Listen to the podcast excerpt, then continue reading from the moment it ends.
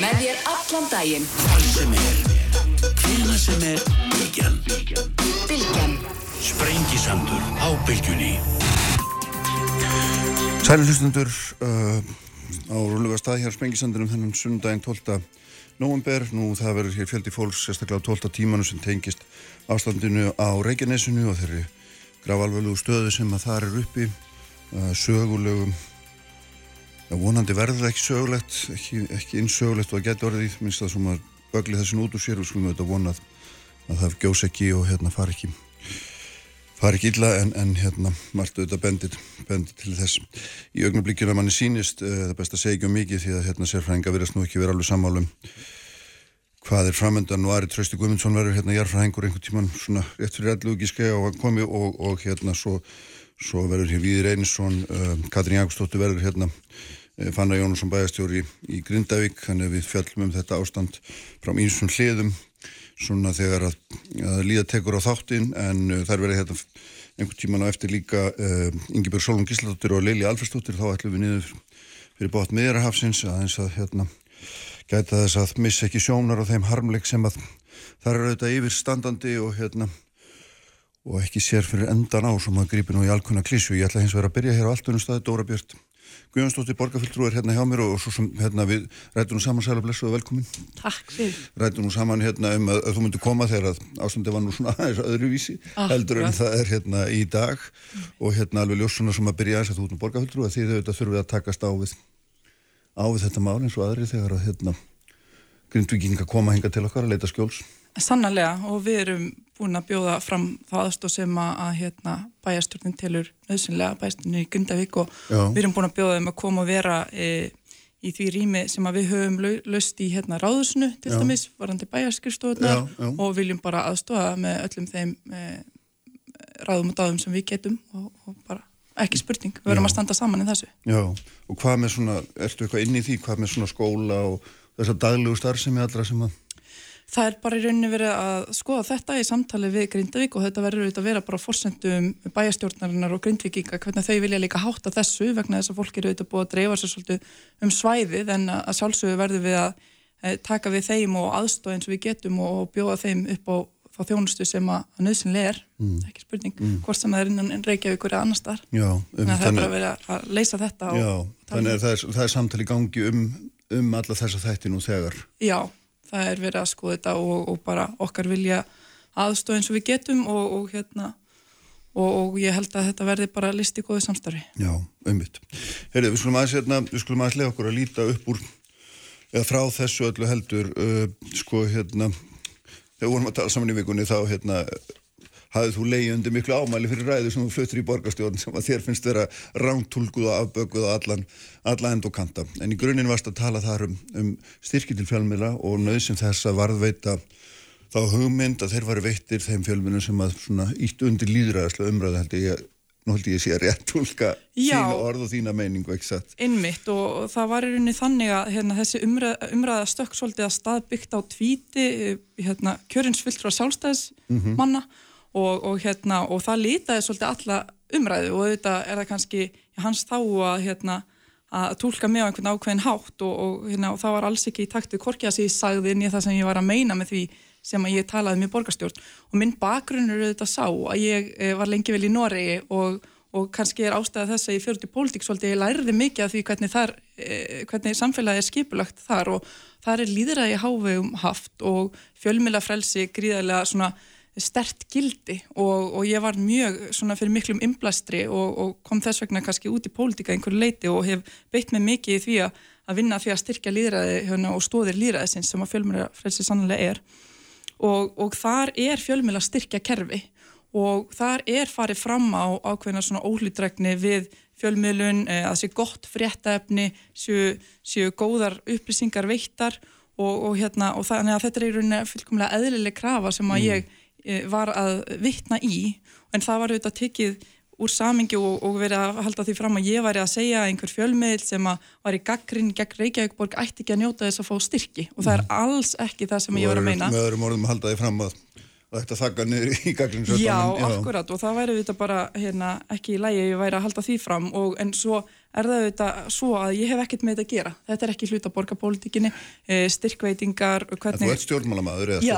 hárétt og, og því skilja alveg þessar vangavertu Þú ert í flokki sem er maður fulltrú á þingi þannig að þú ert ekki Akkurat, já, já. Og, en, en það er ekki þannig að ég sé stuðu til þess að hafa þessi áhrif eh, og, og það er ekki þannig að ég myndi nokkur tíman beita mig með þeim hætti að, hérna, að vilja koma að því að ákveða hver fær styrkveitingar. Þetta verður auðvitað að vera faglega ákverðin og það er eiginlega svolítið, e, svolítið mikill brandar eða hlægilegt að sjá til dæmis sjálfstæðismenn hlaupa á stað og, og, og hérna, slá sér á brjóst sem einhvers konar e, einhvers konar eh, varðmenn frjálsrar fjölmiðlunar en þeir hafa nota mörg tækifæri til þess að í rauninni grafa undan frjálsri fjölmiðlun. Formaður sjálfstæðisflokksins eh, kallaði á sínum tíma eftir lögbanni á fjölmiðl sem, a, sem a, var að fjalla um hans fjármál. Eh, hann hefur talað um að Guardian sé bara einhver áráðusmiðl við hefum séð Um, eins og Brynja Níelsson á þeirra vegum sem verðist ekki skilja mikilvægi þess að hafa faglega útlutunar styrkja nefnd þannig að, að mér skrítið að vera komin í þá stöðu og hérna, vera kölluð ólýræðislega flokki sem að hefur ekki mm. sínt mikinn viljaða áhuga á því að hafa svona lýræðislegt og faglegt styrkjakerfi. Nei, hver á að dæma það hvað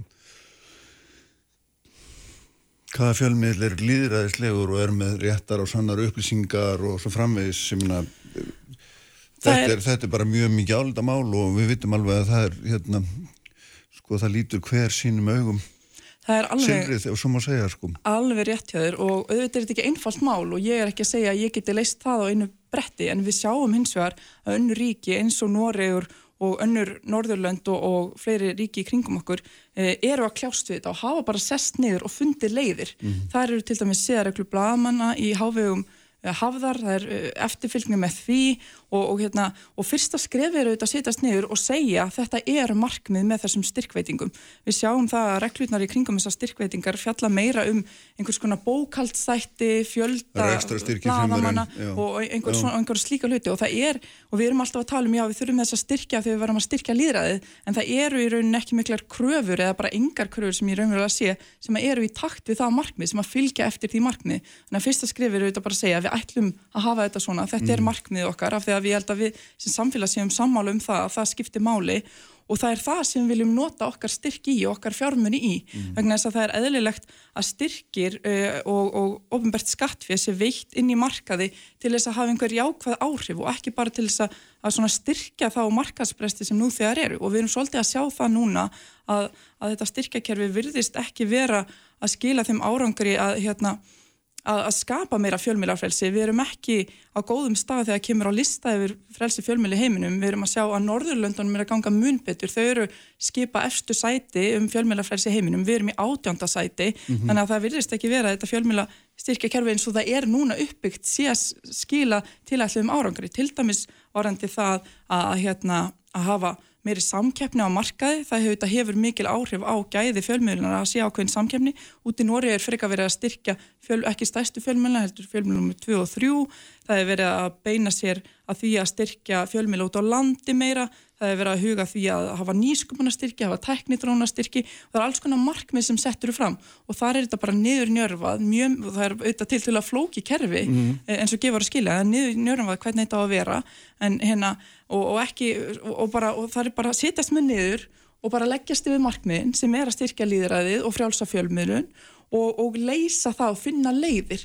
En, en við einhvern veginn stoppum bara og segjum, ó þetta er svo flóki hvernig við gera það, við getum ekki gert þetta. Það er einhvern veginn ekki nægilega gott. Við mm. verðum þetta að axla það ábyrg sem það er að, að ætla að halda hérna utanum gott líðræðis ríki og, og hérna og telur þess alveg bara ótfyrætt að það sé, það sé hlutverk ríkisins að styrkja hérna svo kvöldu frjálsu fjölmila í rekstri? Og ég bara leggja ríksúttarpið til hlýðarétt í ögnumleikinu það, það sé bara eðlert mjög margir gæld að varhufi því að ríki sé einhvern veginn svona komið með puttana inn í rekstrareikningin mm -hmm. einn daginn eftir veitur styrk og næsta dag ákveður að gera það ekki mm -hmm. og þetta skiptir bara skipt með í máli Þetta er mjög góð punktur jáður og þetta er akkurat vandamáli við núverandi styrkjakerfi. Mm. Það er ekki nógu mikið gagsægi, það er ekki nógu mikið, mikið svona fagleg umgjörð um þetta og fyrirsjáleikin er ekki fyrir hendi. Þannig að það er núna í dag í raun að hægt að beita þessu kerfi fyrir sig í pólitískum tilgangi og það er vandamálið og það er það sem við verðum að breðast við og tryggja svo sé ekki hægt. Þú ætti að skýra þetta eins, hvað meinur með því að sé hægt að beita því í pólitískum tilgangi? Ein, eins og til dæmis það ef, að, ef að við erum að sjá eins og núna að þetta kerfi í dag er ekki eins og komið til að vera. Nei. Þetta er núna framlengt í tveggja ára þannig að fjölmilar sitjundi því að, að þeir vita ekki hvernig eh, næstu ár munu líta út í sínum rekstri. Og það getur auðvitað að skapa þá hræðslu og þau kælingar áhrif að fólk þór ekki, ekki að vera á gaggrinni á þeir sem að fara með ríkisfjármálinn mm -hmm. eh, vegna þess að það muni hafa neikværa afleggingar þegar kemur þessu fjölmjölastyrkjakerfi og við sjáum það Er það að segja fjölmjölamenn, nei að fjölmjölamenn er, er, er það þitt mat að þinn reynst í stjórnmálum og stjórnmálamenn vi, svona styrkjakerfi hérna, ef gaggrinni verður of harkaleg. Það fer náttúrulega eftir í hva, hvar þú ert í stjórnmálum og hvernig þú vilt beita þér.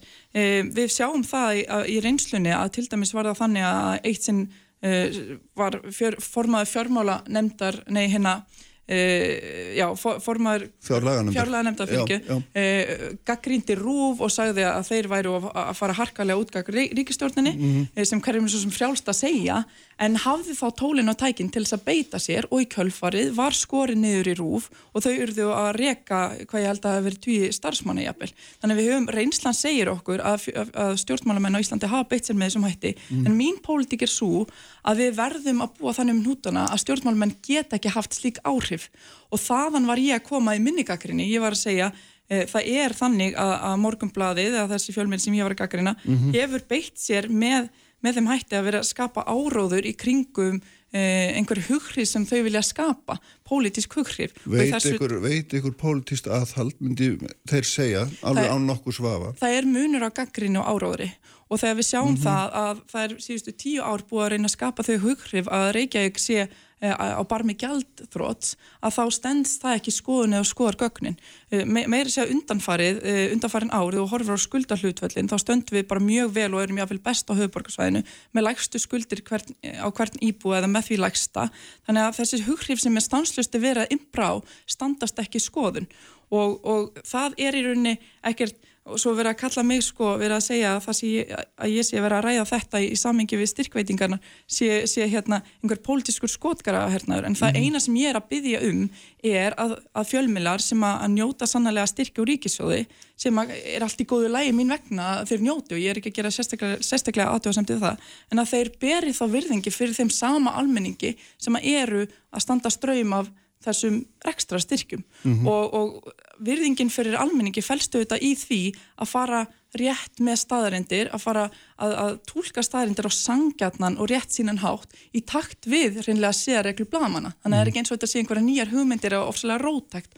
Þetta eru kröfur sem eru í öðrum norðurlöndum sem er að standa okkur framar í, hérna, í fjölmjölafræðs á Íslandi. Geta mann þetta bara verið mjög ósamála um það hvort að Reykjavík búið standi vel eða illa í rekstri þú getur skoðað hérna, mjög mismunandi viðmið og fengið út niðurstöðum það að þetta gangi ekki nóg vel eða gangi vel. Þú, það fer bara mjög Þa... hérna, og blagamönnum ber náttúrulega einhver leiti að skoða það sem að þau, þau, hérna, þau teikn sem að lúta því að sína fram á að stjórnmálamenn séu ekki fara vel með ofinbert fyrir svo dæmis í tekið en, og ekki bara hlusta nákvæmlega það sem þið segið þegar þið segið það allt í blóma en, sko. en ef við skoðum gögnin já, já. en gögn er ekki svo útfyrir um alla hluti það er það sem ég er að reyna að segja sko. Gögn og staðarendir er samt það sem við verðum að byggja málflutninga okkar á við já. getum ekki bara byggt á einhverju tilfinningu en þú getur einhverjum... alltaf tólka gögn líka Dóra, þú veist það alveg Já, en, po, en po, við verðum samt að taka útgangspunkt í gögnunum og ef mm. gögnin er ekki nægilega góð þá verðum við að koma með betri gögn mm. og horfir á þessar likil stærðir þá eru við ekki standa verð en hérna eitthvað verst á Íslandi eins og það lítur stundum út fyrir þegar morgunblæðir er að fjallum okkur. Morgunblæðir var með sérstaklega, sérstaklega undir glugga sem að talaði um fjármála vandræði Reykjavíkborgar eins og við stæðum bara hvað verst á Íslandi og það stennst enga skoðun eða skoðargögn eins og skuldalhutvöld mm -hmm. eins, eins og skuldir á, hérna, á á hvern íbúa eins og við talaðum um. Við erum að sjá að önnur sveitafélög og höfuborgarsvæðinu eru miklu meiri skuldir á hvern íbúa, eru með e, standa verð þegar kemur á skuldarhlutvalli en samt eru við alltaf dreginn fram eins og við stöndum okkur svona illa og svo var núni í vetur, við, e, bara núna síðustu mánu hefur verið að fjalla um fjárhalsvandræði árborgar mm. sem voru fyrir 2022 með 204% sem skuldarhlutvall, það er þess að skuldir af tekjum Já. og meðan við vorum 112% fyrir sama tímabil en samt var alltaf verið að draga okkur fram í umfjöldunum Árborg eins og, við, eins og það væri einhvern meginn tvennu saman að líka en aðstæðnar eru gjör ólíkar þannig að þessi hughrif sem ég er að tala er þessi áróður Mhm. sem að hefur sannarlega neikvað líræðslega áhrif og ef við erum að tala um hvernig við styrkjum líræðslutverk fjölmila og nýtum styrki í því samingi Já. þá er fullkomlega eðlilegt að nota skýr dæmi með skýrum raukstuðningi í gögnum um hvernig áhrif þessi styrkveitingar hafa og, og hvernig og, hva, og, og í, í því Þannig samingi í ljósi þess sem að þú ert að tala um þessi tiltekni fjölmiðl Mhm. gerir það hugurhrif sem að hann er að þínum að reyna að skapa í ljósi þess, þá telur þú að því að ég skildir rétt að hann ætti ekki að njóta ofnbæra styrkja vegna hann er að afbaka nei, byrju, vegna hann er að afbaka er það ekki, staðrindir, hann er að afbaka gögn ég meina það er það sem þú ert að segja, er? Ég er er, ég, ég er að segja Já. að hann, e, og það vita það allir, það vita hvert mannspann að, morgunblæðið er óofinbært hálpartinn e, málgagn e, stórútgerðarinnar og sjálfstæðisflokksins. Ég held að það sé bara eiginlega óumdeilt mál. Og ég er ekki að segja að öll fjölmjölun þar sé hérna og allir bladamann séu einhvern veginn ekki að fara alltaf rétt með og, stundum eru góða fréttir. En rauði þráðurinn er alltaf sá að reyna að hafa einhver ákveðin áhrif vegna þess að sjálfstæðisflokkurinn er ekki við stjórnir Reykjavík og þeir vilja aftur ná stjórn þar. og það er óumdeilt og þá getur verið eitthvað tabu að tala um það að sé áróður á Íslandi og að, og að, og að þessi fjölmiðl stundi áróður. Ég er ekki að segja það að morgunblæði er ekki að fá styrki og ég hef aldrei sagt það og mun aldrei segja það vegna þess að það er ekki mitt hlutverk sem stjórnumálamanns að hafa skoðun á því. Ég er hins vegar að segja að það er ákveðin lámarks Uh, fagleg heit sem að hægt er að kre, uh, krefja þá fjölmiðlaum og þá aðilaum sem að njóta styrkveitinga og það er algjörlega eðlilegt En að var það gera ekki það. nákvæmlega það sem ég var að spyrja þig um Já, já, hvort þú en- teljir en að þeir sem að afbaka gögn og fara nátt með staðrindir eigi að njóta styrkjað ekki og þú ert búin að lýsa Ég er- fjölmiðli, það skiptir ekki alveg máli hvað hann heitir Já, sko, já. en þú ert búin að lýsa fjölmiðli sem þú telur að gera þetta Já. en samt viltu ekki segja í sömursetningu að Nei, hérna, nei ég er ekki að segja að hann ekki njóta fjölmiðla. Ég er að byggja um það að við sem samfélag uh, beitum okkur fyrir því að fjölmiðlar verða að be bera virðingu fyrir almenningi og, og bera fram réttar og góðar upplýsingar og ég er kannski bara að byggla til morgunblasins að bera virðingu fyrir almenningi sem að er að greiða til þeirra uh, hérna, þessa styrki sem, sem að ég er ekki að gaggrina að séu til þeirra greittir. Ég er að tala um það að það er alveg eðlilegt að gera lámarkskröfur um faglega vinnubröð sérstaklega þegar fólk nýtur styrkveitinga Mhm. og það er eðlilegt að þetta styrkjakerfi sem er það sem ég er að tala um Já, já. að það gerir slíkar kröfur. Og það myndi þá kannski hafa einhverja ákvað áhrif. Við getum til dæmis talað um það að það þarf að vera samkefna á fjölmiðlamarkaði. Með þessu núverandi styrkjakerfi þá erum við að sjá meiri samþjöppun. Þannig að við getum spurt okkur erum við að ná markmiðum okkar með þessu styrkjakerfi? Ég er ekki að sjá það. Við erum ekki að komast ofar á, á lista yfir frjálsa fjölmiðlun. Við erum að sjá að það er hálger ógnar stjórn að fólk viti aldrei hvað næsta ár beri skautir sér þegar kemur að þessum rekstastyrkjum hvort er verði yfir höfuð við líði. Við erum að sjá það að, að hérna, nánir aðilar ríkistjórnarnir að leika sér að því að tala um að það eigi að vera fagleg útlutun að það eigi kannski freka bara pólitist skipa bara einhverja sem að hendar í útlutuna nefndi að hvernig sem það hefur verið orðað. Og, og við erum að sjá það að alls konar þetta skapar ótrúlega mikið óryggi þannig að við erum kannski ekki að ná okkar líraðislegu markmiðum með núverandi styrkjakerfi. Þess vegna er alveg eðlilegt að fara fram á þessi lámarks faglegu vinnubröð og, og, hérna, og það myndi hafa bara jákvæð áhrif á allt kerfið okkar og líðræðið okkar. Það er það sem ég er að tala um og ég er ekki að tala um einhverja einstaka, einhverja einstaka eigi ekki að fá. En það er eðlilegt að þegar við erum að tala um eitthvað kerfi og einhver markmið sem við viljum ná með þessu kerfi að tala um dæmi í saminginu um hvernig kerfi er að virka eða ekki virka. Og, og þú ert alltaf að taka dæmi um kerfi sem ekki virkar og, Og tekur alltaf til dæmi um það en vilt samt ekki segja að við komum degi ekki fá styrki þó að það sé í raun og veru að- þó að hann sé í raun og veru að vinna algjörlega anstætt því sem þú telur hann ætti að vera að vinna Ég er að segja að óhæði hver fái styrki, þá eigum við sér samfélag að fara fram á það að það sé, sé verið að nýta þetta styrkjakerfi sem á að styrkja líðræði á Íslandi til þess að styrkja mm. líðræði á Íslandi, til þess að tryggja almenningur fái réttar upplýsingar settar fram á sangjarnan hátt. Það er það sem ég er að segja og, og það er alveg Uh, og það hefur verið talað um að hérna, uh, þetta, með þess að formaði bladamannafélagsins talað um að við verðum að taka þetta styrkjakerfi upp úr sk pólitískum skotgurum og, og tala um það á faglegan hátt. Og ég get tekið undir það, en þetta eru fagleg sjónamið sem ég er að varpa fram. Og það styrkja líðræðið og að búa þannig um að okkar Sæður kerfi þetta ekki formaði finnst líka þú verður að hálum ísm Ég, ég, ég er að segja það, en það er og ég ætla bara að frábíða með því að ég sé í pólitískum skotgraða hernaði vegna þess að ég er að tala um grunnstóðir líðræðsins, fjölmil, fjölmilana og, og þau styrkjakerfi sem eru við líði, sem að eiga skila ákveðinu markmiðum, sem er að styrkja líðræði á Íslandi Já. ég tel svo ekki vera. Og ef, að, og ef maður skoðar þetta þá er þetta fjölmila styrkjakerfi að hálfgerst vilda vestur og við erum ekki að nýta okkur neinn tækifæri til þess að- skapa einhverja jákvæða kvata, við erum að íkja núverandi umhverfi og fyrir umhverfi, við erum ekki að beita okkur gegn því að hérna að það verði þessi samþjöppun eða að það, hérna, það sem hefur gerst eftir þetta styrkjakerfi var til er að það var fjölmiðl sem að laði upp, stór fjölmiðl sem laði upp laupana, það er meiri samþjöppun sem hefur neikva áhrif á sérst og líræðislega umræðu og, og það er alveg óumdeilt. Þannig að við erum, það eru faglega sjónamið að ræða um hvernig styrkjakerfi á að vera og það er ekki óeðlilegt að taka dæmi. En ég skil það hins vegar í því umhverfi sem nú er þar sem að stjórnmálumenn hafa sannlega leift sér í fortíðinni að hafa þessi neikvæða áhrif og beita sér gegn því að einhverju hljó, hljóti styrki sem að hafa haft neikvæða einhverja neikvæða ummæli um, um þá, þá stjórnmálarflokka að segja. Ég skil að því sjónamiði og í því umhverfi sé það óþægilegt þegar ég komi með þessar aðtöðsendir en þá bendi ég á að ég er ekki þeirri stöðu til að hafa þessi áhrif. Ég hef engan áhuga á að vera þeirri stöðu, stöðu til að hafa þau áhrif og ég myndi alltaf beita mig til þess að búa svo um hnútana að það væri ekki hægt fyrir stjórnmálumenn að beita sig með þeim hætti að skera niður í fjölmjölum sem að gaggrina það og ég er ekki að tala heldur um gaggrin, ég er að tala um áróður en, en ég bara þetta er mitt baktepp í pólitík, ég myndi aldrei hafa þessi áhrif og, og hef ekki áhuga á því en það er eðlilegt að tala um þetta, að styrka líðræðið og að tala um hvernig okkar svona ofinbyrju kerfi styðja við líðræðið er viðfangsefni pólitíkurinnar. Þannig að það er alveg eðlegt að stjórnmálinn ræði um það hvernig mm -hmm. hlutinir er að virka. En hvað finnst þér að gera ef að við erum með styrkjakerfi og, og hérna uh, get ég hvernig að orða þetta best en, en ef að hérna ef að einhverju þeirra sem hljóta styrki eru ekki síðan taldir uppfylla þær kröfur um eðlega meðferð staðrinda gagna og framsetningu líðræðislega fjölbrytni, getum orðað þetta þannig. Sko, þá, ég, þá, þá þurfa stjórnmannumennir það ekki að gera eitthvað í málinu. Ég, ég myndi segja það að við ættum að búa þannig um hnútana að þeir séu fagleg sjónamið, gagsa sjónamið mm. sem að ráði för Mhm. og að það séu faglegir aðilar sem komi að þessu mati.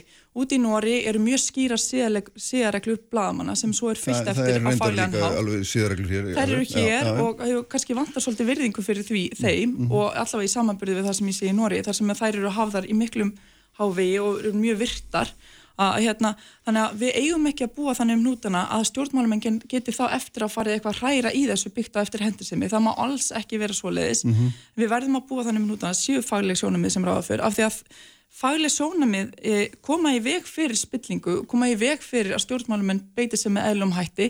Þess vegna verðum við að tala um þetta gagsæi, verðum að tala um hlutleysi og einhver og, og, og að stjórnmálumenn get ekki beitt sér í hverju máli fyrir síð. Mhm. En við sjáum það að það er líka ákveðin ræstni falin í því að nú hlu, hlu, hafa sjálfstæðismenn með fullir virðingu fyrir þeim hlaupið á stað og, sagt að ég sé svo andlýðræðisleg og, og tala líka við eins og þeir séu rosalega miklir forsvarsmenn frálsar fjölmiðlunar, fjölmiðlunar en þeir hafa notað ímest tækifæri til þess að grafa undan frálsi fjölmiðlun sem ég hef nefnt uh, eins og með hérna það að, að hérna að setja lögbann á fjölmiðl sem að hefur gaggrínt þeirra formann og, og með ýmsum hætti sem við höfum farið yfir. En, en það er það er ekki þannig að hérna, þeir hafa alltaf stutt þetta kerfi greiðilega mikið, þeir hafa gaggrind þetta kerfi og þeir hafa að mjög og, hart, já, já, já. þeir hafa talað fyrir því að leggja það niður.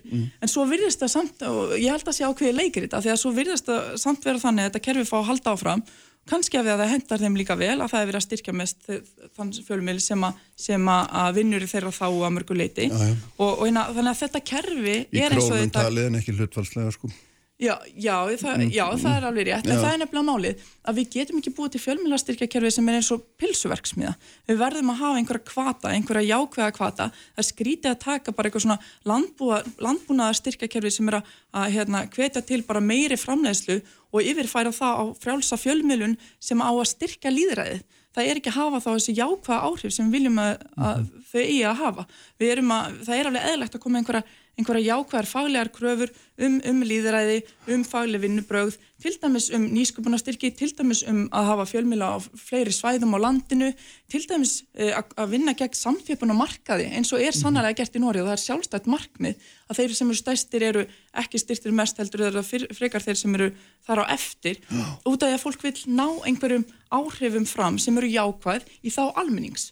Og faglega sjónamið eru í rauninni varðhundur almenningshagsmuna. Og þess vegna verðum við að standa verðum um faglega sjónamið en mér finnst ekki að vera mikill viljið til þess til dæmis hjá þeim sjálfstæðismennum sem hafa gaggrind mig mm. og með sinni nýfund með líraðsást að koma á einhverjum faglegum sjónamiðum af því að það er alltaf farið það að segja það er svo flókið, það er svo arvitt, hvernig gerum við það? Sleppum því bara.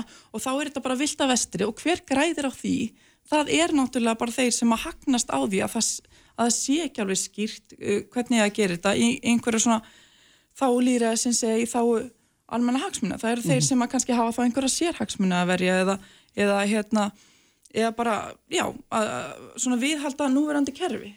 Þeir eru þeir sem að græða frekar á því að sé ógagsægi og það séu ekki fagli svona með fyrir lífi. Já, en allavega þá held ég að nýðustæðins þú að þú ert ekki satt við kerfið þess að það er núna, finnst þú að mér að gagsægi Exakt.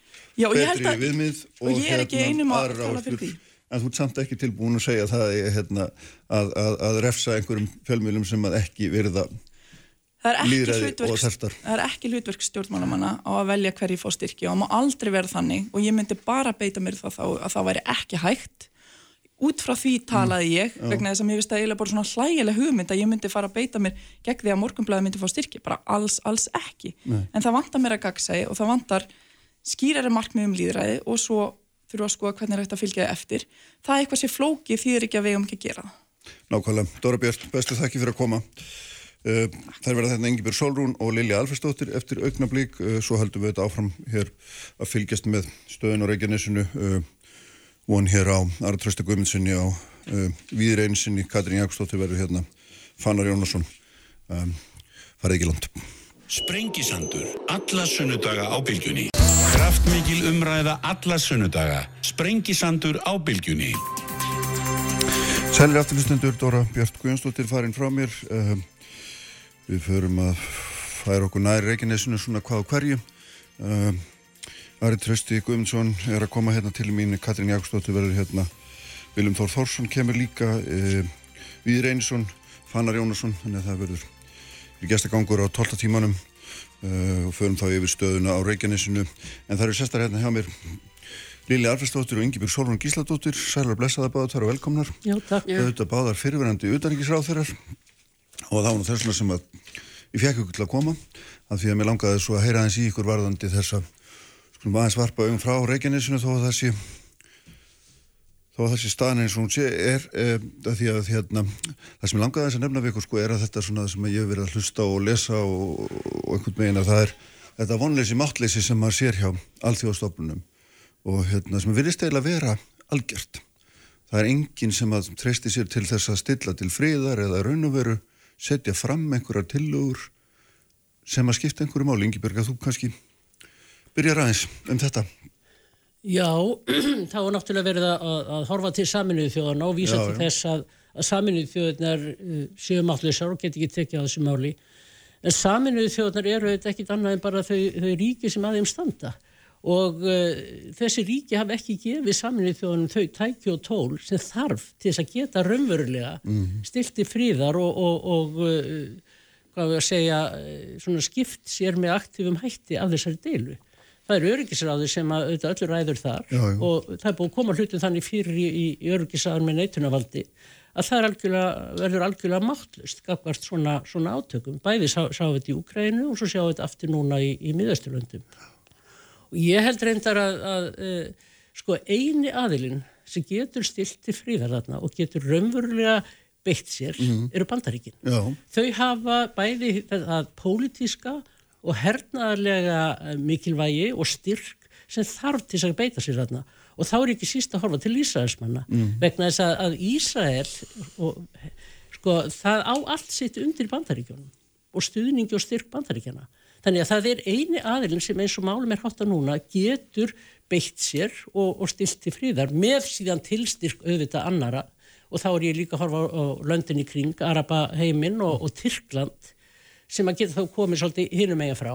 Ég held að það sé eina leiðin og, og til þess að ná því fram, og það er ekki eitthvað sem að gerist sjálfkrafa, til þess að ná því fram, þá þurfa þetta önnuríki að beita þrýstingi og almenningur þarf að beita þrýstingi í bandaríkjónum og í Evrópu og það er auðvitað fólk að gera, fólk er að fara út á göttunar. Og ég held að þetta sé bara eina leiðin.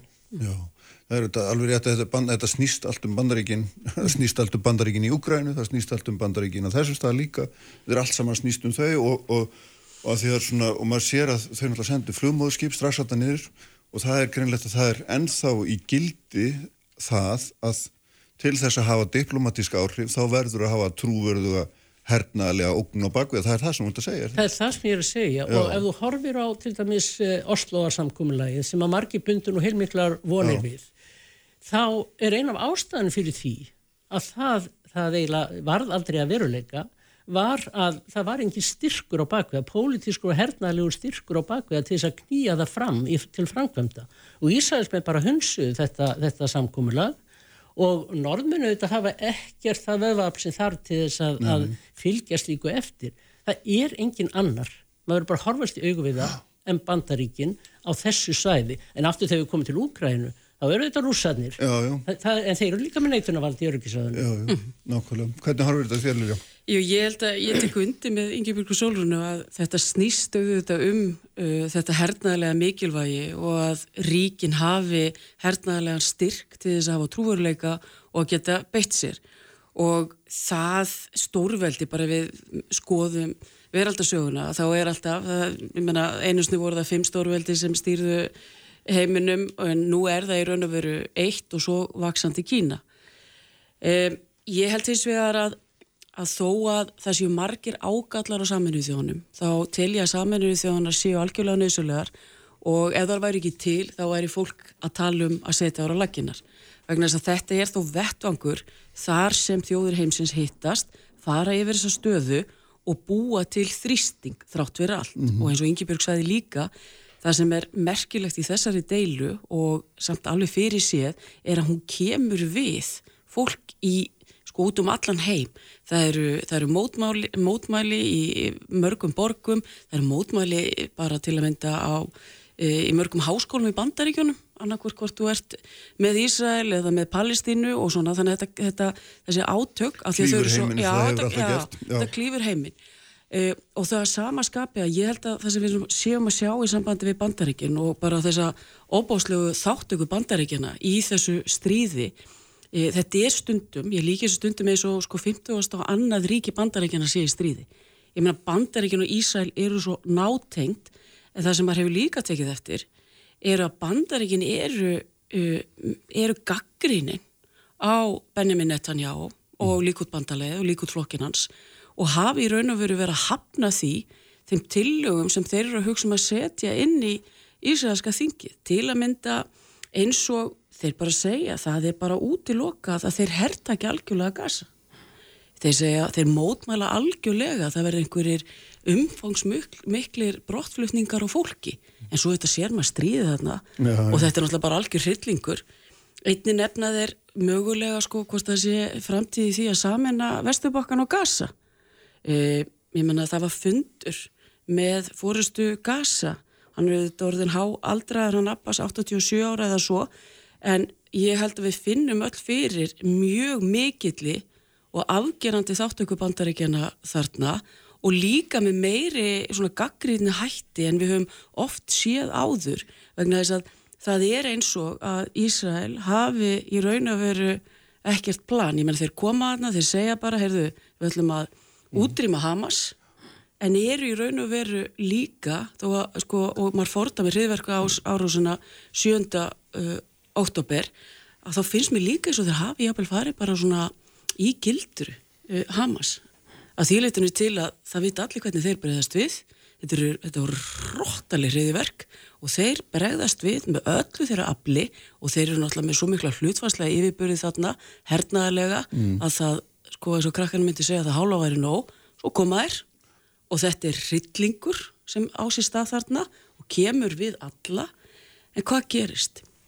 e, Arabanir sem voru áður að fara að reyna að vera þýða komin í þessi samskipti þeir voru bara við það að semja við sátana búin að semja við hérna, e, Marako e, þeir eru búin að vera í ágætti sambandi við Egipta í, í langan tíma og allt þetta Mm, er komið í upp í loft sko, og búðu tunnan sko aldeilis komin hérna þessi, þessar kenningar um hana.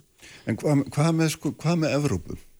Hún er eitthvað með eins og Evrópusambandi, þetta stóra sterka Mm. samband sem að hérna, ætlaði sér að reka eitthvað sem að kalla svona mjúka auðaríkistefnu, þetta Mm. kalla soft foreign policy og einsku, þetta það er eitthvað með algjörlega máttlust þarna á þessu svæði. Já, það er náttúrulega hefur engan hernaðastyrk. Nei, það, nei, er nei, þetta, það er það er sko, það er bara, það er pólitískt bandalag og, Já. og, og byrgi á pólitík og efnahag, efnahagsbandalag og pólitískt bandalag og hefur ekki þann hernaðastyrk sem, sem kannski tilþarf.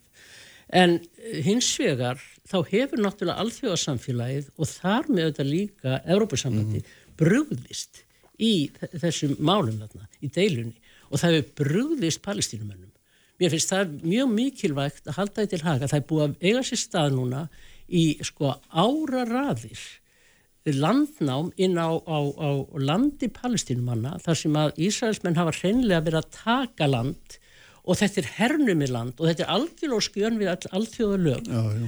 Þeir hafa byggt aðskilnaða múr sem er líka á skjön við, við hérna allþjóða lög og þeir hafa þverbrotið mörg allþjóðlög og þeir hafa komist upp með það. Það hefur enginn í rauninni beitt sér og þess vegna finnst palestínumönnum að alþjóðsamfélagi hafi brugðið sér. Og það hefur engu skila fyrir það. PLO var við það, svona, með ákveðna uh, aggressífa pólisíu og beitti hervaldi á tíma, eða hervaldi var náttúrulega ekki her en það beitti, uh, hvað segir maður, valdi. Uh, og, og, og um tíma. Og svo hætti að því lagði það af og, og, og fór í, í fríðsamlega baráttu en hún hefur engu skila palestinumennum, það er auðvitað hinn, hinn sorglega staðrind málsins.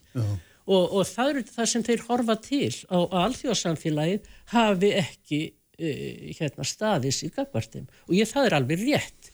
Og þar kemur auðvitað Európa-sambandið inn og getur auðvitað beitt afli sínu mun meira heldur en það hefur gert. Já, og ég, sko, ég tek undir þetta að sko, það hefur ekkert gerst á þessu svæði síðan í raun og veru í kringum árið 2000.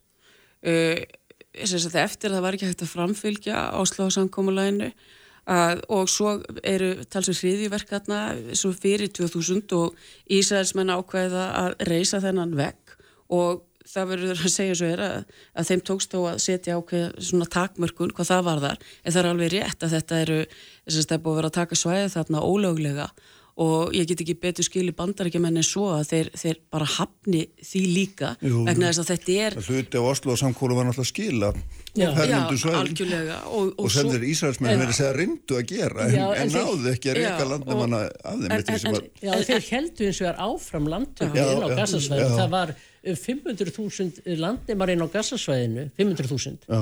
þegar að hérna Oslo-samkomulega gert, nú er þetta um miljón. En það sem ég held að skili alltaf mestum árangri, Mm. það er að það sé styrk pó pólitísk fórusta í viðkomandi ríki. Það sem hefur verið rosalega erfitt hjá palestínumannum er að það er til að mynda ekki búið að kjósa þarna síðan 2006. Er engin, sem sagt, þeir hafa ekki náð að byggja upp svona líðræðislegt skipulag í kringum sig og ég held að það sé núna mjög erfitt fyrir þá.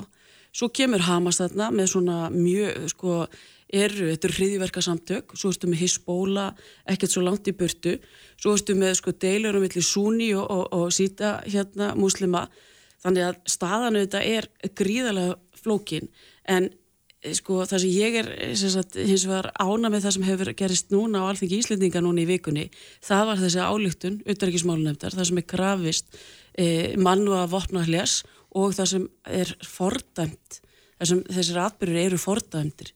Já, begge vegna Begge, begge vegna, vegna þess að þetta er, eins og ég bara sagði hér á, en ég menna að þetta er, hryllingur það sem er eiga sér stað og það er gríðarlega erfitt að, að horfa upp á þetta, en mér finnst hins vegar, sko, mér finnst, mér finnst ágætt hvernig bandarækjumenn er að stíga svona fasta til jarðar, hvað þetta varðar. En ég sko Lili heldur koma aðeins inn á áðan sko, Ísraelsmenn hefði ekkert plan.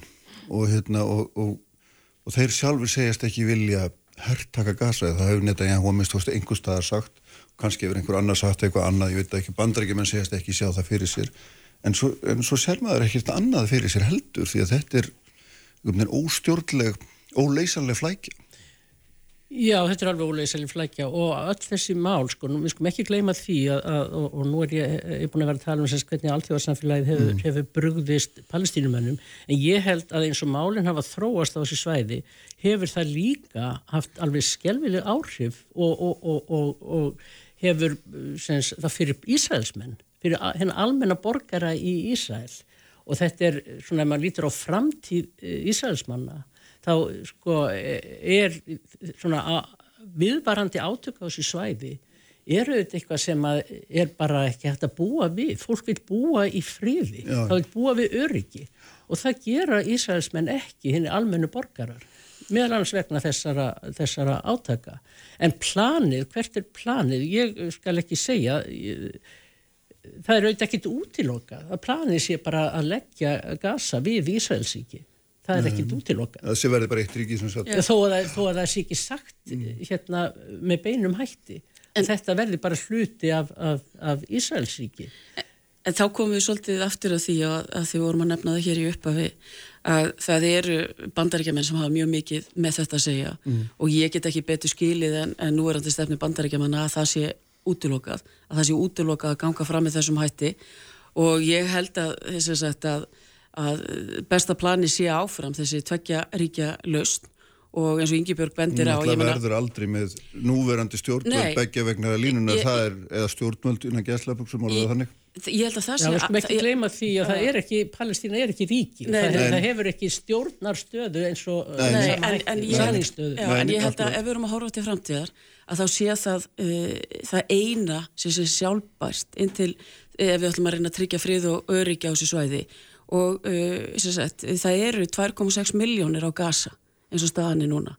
Og eru þetta að upplifa alveg sko skjálfilega tíma og það er ekkert hægt að horfa fram hjá því að allavega mínu viti er langskynnsalegt skynsalegast að þarna verði sjálfstætt ríki Palestínu við hliðin á Ísraelsríki og ég held að það sem við munum sjá er að það mm. verða öruglega breytingar bæði í Palestínu og Ísrael vegna þess að stuðningu við Benjamin Netanyahu hann hefur verið að mika gríðlega hann var alltaf álítinn þessi sko það var alltaf réttlæta það að hann væri við völd vegna, hann, vegna þess að hann væri þessi sterkja aðili og, og þetta ég menna við hefum aldrei haft já, svona hæri sinnaða stjórn við völd í Ísrael og ég, þú veist verða að segja það að, að ég held að við munum sjá breytingar bæði sagt, í fórustu begja þessa ríkja og hún sé nöðsuleg mm. til þess að það sé hægt að fara að tala um einhvert frið og uh, álveru vopnarlega. Mér lókar aðeins sem þetta að taka þennan punkt sko með þessi uh, hérna, stjórnvöld í, í uh, Palestínu sem er ekki viðkend ríki og hefur ekki, af því að hefur ekki, hefur ekki landamæður og hefur ekki það sem til þar til þess að vera viðkend ríki mm. og svo Ísæl. Ég held að bæði Ísælismenn og palestínumenn sé alveg sérlega óhefnir með fórustumenn í sínum, uh, sínum löndum, sínum landsvæðum því að þú ert annars vegar með þessa skelvilu hægri stjórn í Ísrael mm. sem er svona agressív uh, þjóðurni sinni hægri stjórn og það er nú eitthvað það vestar sem það getur fengið og svo erstu með í Palestínu annars vegar Hamas sem er náttúrulega alveg skelvileg samtök og, og, og, og bara uh, vond samtök og svo ertu með hérna uh, Fata og, og, og Abbas sem er bara orðið sko, gamalmenni sem búin að vera þarna alveg ára tíu þetta er, þetta er sko þetta er ekki þú að lífanlegt að sjá. Nei, nei, nei, nei það er rétt. Og svo er eitt náttúrulega í þessu hérna, ég ætla að fara að snúa mér hérna Svöru Rækina setja ögnum blikka en sko það er annað. Nú er alltaf fórstakostningar í bandaríkunum framöndan og þetta mál, hérna því við erum búin að tala mikið þetta snýst allt um bandaríkin mm. að þetta mál gæti náttúrulega fengið alls konar útreið í, í, í þeim kostningum dráttum í dýri það er að hérna. Sko ég var nú stöðt í bandaríkjónu þegar þessi könnu New York Times kom út varðandi stuðning við Biden og, og Trump. Nú nýjast, já, nýjasta, fyrir viku, já, já, fyrir viku.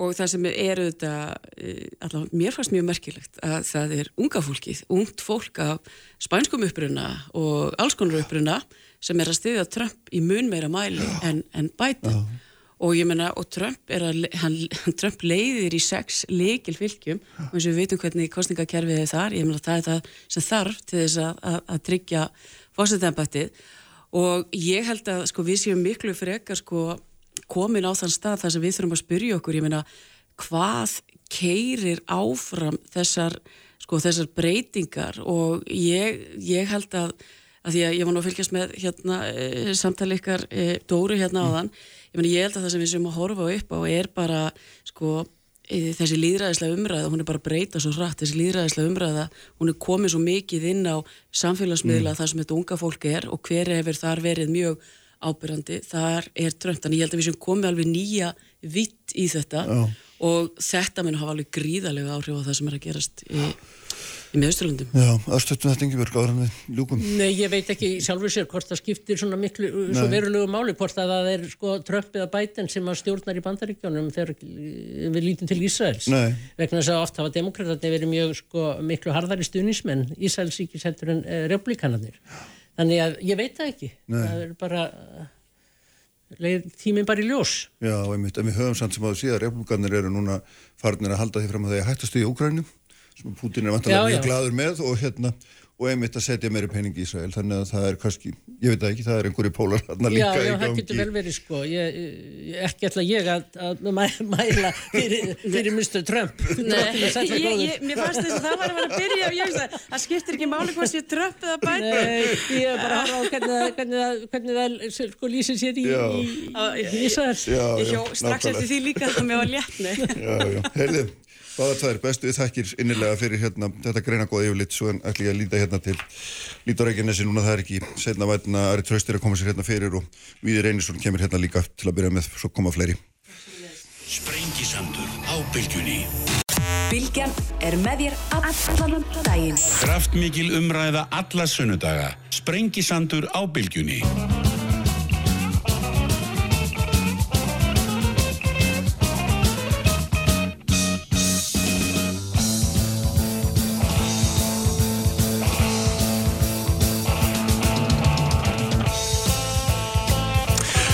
Selri afturlustundur, þar eru farnan frá mér Ingebjörg Solrún Gísladóttir og Lili Alfersdóttir. Uh, Ari Trösti Guimundsson er búin að koma sér hérna fyrir hjá mér og við höfum vona á við reyni sinni hérna á símanum eftir, eftir augnablík. Svo kemur Katrín Jakobsdóttir hérna líka, Viljum Thorsson og Fannar Jónasson, bæðasturinn í Grindavík verður hérna, hérna líka hjá okkur. En sætlablessar Ari. Ég nú var ekki ekkert að segja long time no see, þú varst hérna fyrir viku. Og hérna þú byrjar á því að segja sem ég hafst áhugavert, þá að segja kvika á fjögur til 5 km dýp er ekkert grín. En núna er hún vist Já, nú er hún á 800 eða jafnvel minna, minna. Já, já. svo sem ekki vitað og, og það er staðu sem er svona í aðurinnum á Grindavík eftir því sem að veðustofan segir okkur Uh, þessi gangur eða kveikufyllt að sprunga menn bara að vera að fara að læra þetta já, já. þetta gangur, hann er, hann er lengri heldur en svona uppalega um, reyndist. Já. það er að segja hann er 12-15 eh, km langur. Uh, öflugur, það er að segja hann er síður, hann er breyður hann er, gæti verið upp undir 2 metrar á breytt og uh, það er mjög svona Það er í náttúrulega allir það er trista og að uh, þarna geti verið sko samsíða gangur, það er mm. sem sagt gangur þarna frá því að þarna gaus uh, 2003-400 árum síðan sundnúkarhaunni sem að Grindavík stendur á. Það er, þar er, er öflugur gangur sem er vantalárin kaldur og, og þessi virðist vera að, að nýta sér svipa gangalagi, það er að segja uh, nánast jáfnvel upp með hinnum því að við þekkjum í gamla staflanum austan og vestan til á landinu þar sem að þau sér ganga í þverskurði. Þeir eru tvöfaldir, jáfnvel þrefaldir. No. það er að segja þeir eru þá enduteknir atbyrðir með einhverju mislungum millibili sem að búa til slík fyrir bæri en það sem að kom okkur ávand uh, vantarlega jærvítamönum var þessi hraði, þessi hraði þróun þar sem að gangurinn átt sig mjög hratt uh, til söðvestus og núna með eh, söður enda, eh, ég veist að menn munir nú margir eftir fiskeldi stöðinni sem er utan við Grindavík. Það er út í sjónum fram, fyrir framann, það er endin á ganginum. Já, en það, ég meina, þú sér að þetta að orða, ég meina, það kom svo margt á orði í þessari viku, var það ekki hraðin, hérna, hversu mikil kvikan er, hvað hann, eh, hérna, fór hátt upp, mjög, jú, jú. mjög fljótt, jú, sprunga lengdist og, og, og, og skjáltandi færðist líka, er ég oft úrgað þetta, fram og tilbaka einhvern veginn? Mm, já, þeir, þeir gera það einhver leitin á þetta. Það er alltaf viðvarandi skjáltavirkning þar sem gangurinn er komin upp. Já. En síðan er auka skjáltavirkning. Hann getur bæði lengst í norður átt eða norðaustur og svo mm. söðvestur átt. Og uh, uh, þetta fer eftir um, eiginlega veik, sækir í veikustu hluta járskorpunar. Mm. Og uh, núna er norðaustur endin mjög skamt frá faradarsfjalli. Það er svona einn kílómetri rúmur frá faraldarsfjalli að norðaustur enda gangsins, hann er þá það langt komin inn inn, inn í landið. Já. og uh, þá er bara spurning, uh, rofnar þekjan einhver staðar? Mm. og uh, stundum er það þar sem að uh, grínst er að gangin en það þarf ekki að vera, það getur vel, vel verið einhver staðar annar staðar. Þannig að maður verður reikna með uh, að einhver staðar á alveg þessari leið uh, rofnar þetta og þá er þetta að teikna þessar ólíku sviðsmyndir sem við, við erum búin að heyra frá Kostaði Magnúsi Tuma eða einhverju öðrum. Þar að segja að þetta gerist norðalega þar sem að eh, virknin byrjaði og var mest uh, og þá er kannski minni vontið þess að að, að, að, að ver fari að það, að það getur farið þá nokkuð nokku, nokku betur þannig. Já. og svo erum við aftur með þá uh, möguleikana það er opni þekkjan út í sjó. Já það verður þá einhvers konar þeitigós svo kallað mm.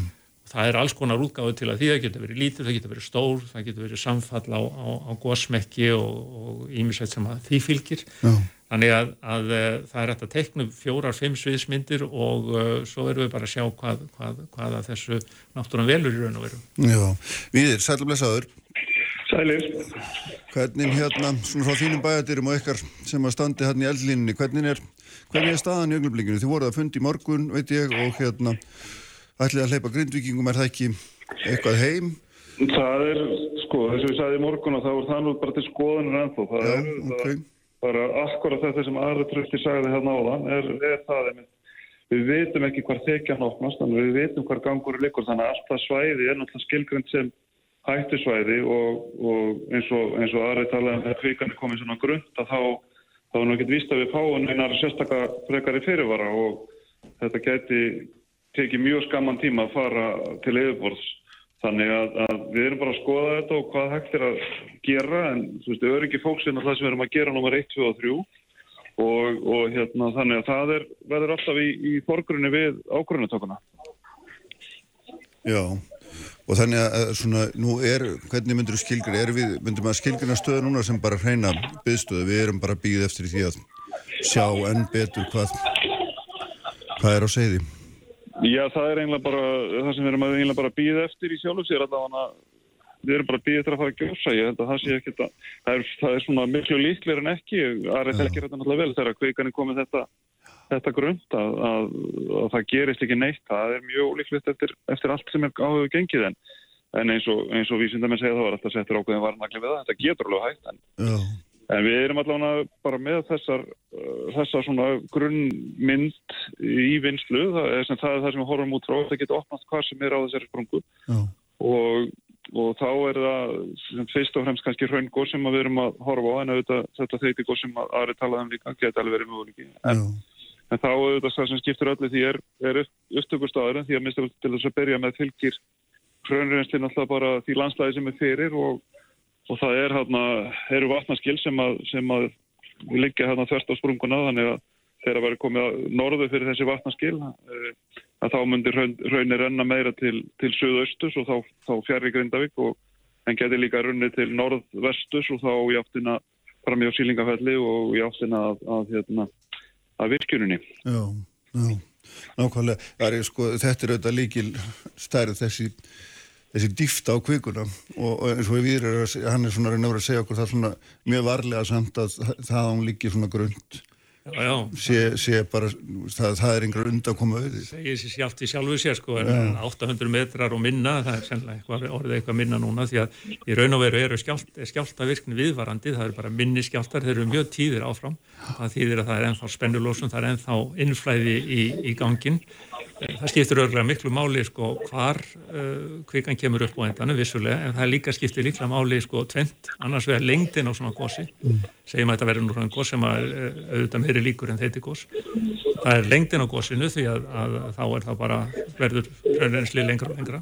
Og svo hitt líka að, að uh, það, er, það er í raun og veru uh, ja, mikilvægt að, að, að góðsprunga lengist ekki. Við þekktum það á Gerningadala góðsunu að góðsprunga var svona sem var að geta sig í norðaustur. Og uh, það getur gæst í þessu tilviki í báðar áttir, annars vegar söðvestur og norðaustur að góðsprunga lengist og það þarf ekki að vera fyrsta daginn eða annan daginn svo getur hitt gerst og, og að það byrja að gjósa á allir löngu svæði og svo dregst gósi saman eins og við þekktum úr öllum þremur gósónum við, við faradarsfjall. Mm. Þannig að þessa sviðsmyndi þegar ég sagði að það eru kannski fjóra-fimm, þær eru allar gildar og það er ekkit annað en tímin eins og, eins og viðinöfnir sem, sem að við getum eiginlega treysta á að leiði eitthvað í ljós og mm. þess vegna er spennan í raun og veru, ég er ekki að segja hún sé óbærileg en, en hún, er, hún er erfið. Hún er gríðarlega og þú talar um það fyrir viku hérna að þetta er svona að skömmu fyrir górs þá væri líklega svona þjættriðið smáskjálta mm. net mm. Og, og myndur þú segja að það sá, svo mynd væri komin eða? Ekki, nei, nei, það er ekki komin en, en það er ekki endilega vist að, að, að við fáum það, það það er ekki alltaf sem þetta gerist nei. og uh, það gerðist í, í, í sumum góðsónu við fara þess fjöld ekki öllum þannig að, að það, við getum ekki þrist á það í raun og veru en uh, það er það sem er algengast vissulega, en uh, það getur gerst fyrirvara lítið og, uh, og þá stendur það kannski yfir í einhverjar bara 10-20 myndur sem að kannski ekki skipta miklu máli þegar um er að ræða að koma einhverju skilabóðum eða öðru ríku frá sér. Þannig að það er langt best að rekna með því að þetta gerist mjög fyrirvara lítið og annarkort á næstu klukkutímum eða jafnvel tveim-þreim dögum því að um, svona þegar kvikan er nú uh, að uh, ströggla sem að notið það orðu við að komast upp, leita upp í, í, í, í veikustu partægjalan þá getur það uh, orðið tímaspursmúl hvenar vegna þess að það er þá innstreymið í aðra hluta uh, gangsins sem að skipti mm. máli mm.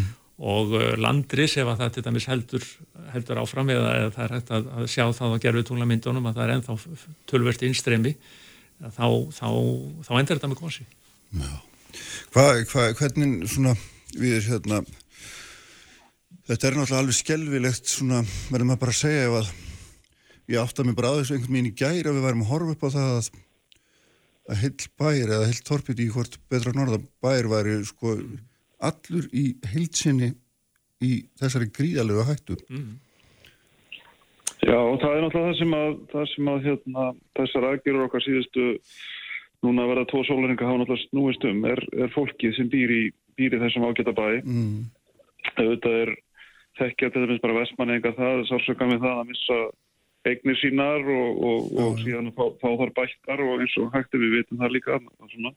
Hlutir ekki alltaf bættir eins og maður vil en, en fyrst og fremst er náttúrulega máli núna að grindvíkingar lögðist og eitt um að, um að hérna, hjálpa til við það að þetta gengi stóðsleisalist fyrir sig og eða sleisalist bara alveg fyrir sig og, og, og kem, þeir kemist allir í skjól og núna er bara ekki síri vinna við að hvað hva, hva tekur við fyrir, fyrir þetta ágæta fólk því að einlega alveg sama hvað gerist núna á í þessum, uh, þessum hérna, svona framrást þessara eldsumbrota, jarðumbróta jarð, hérna, mm.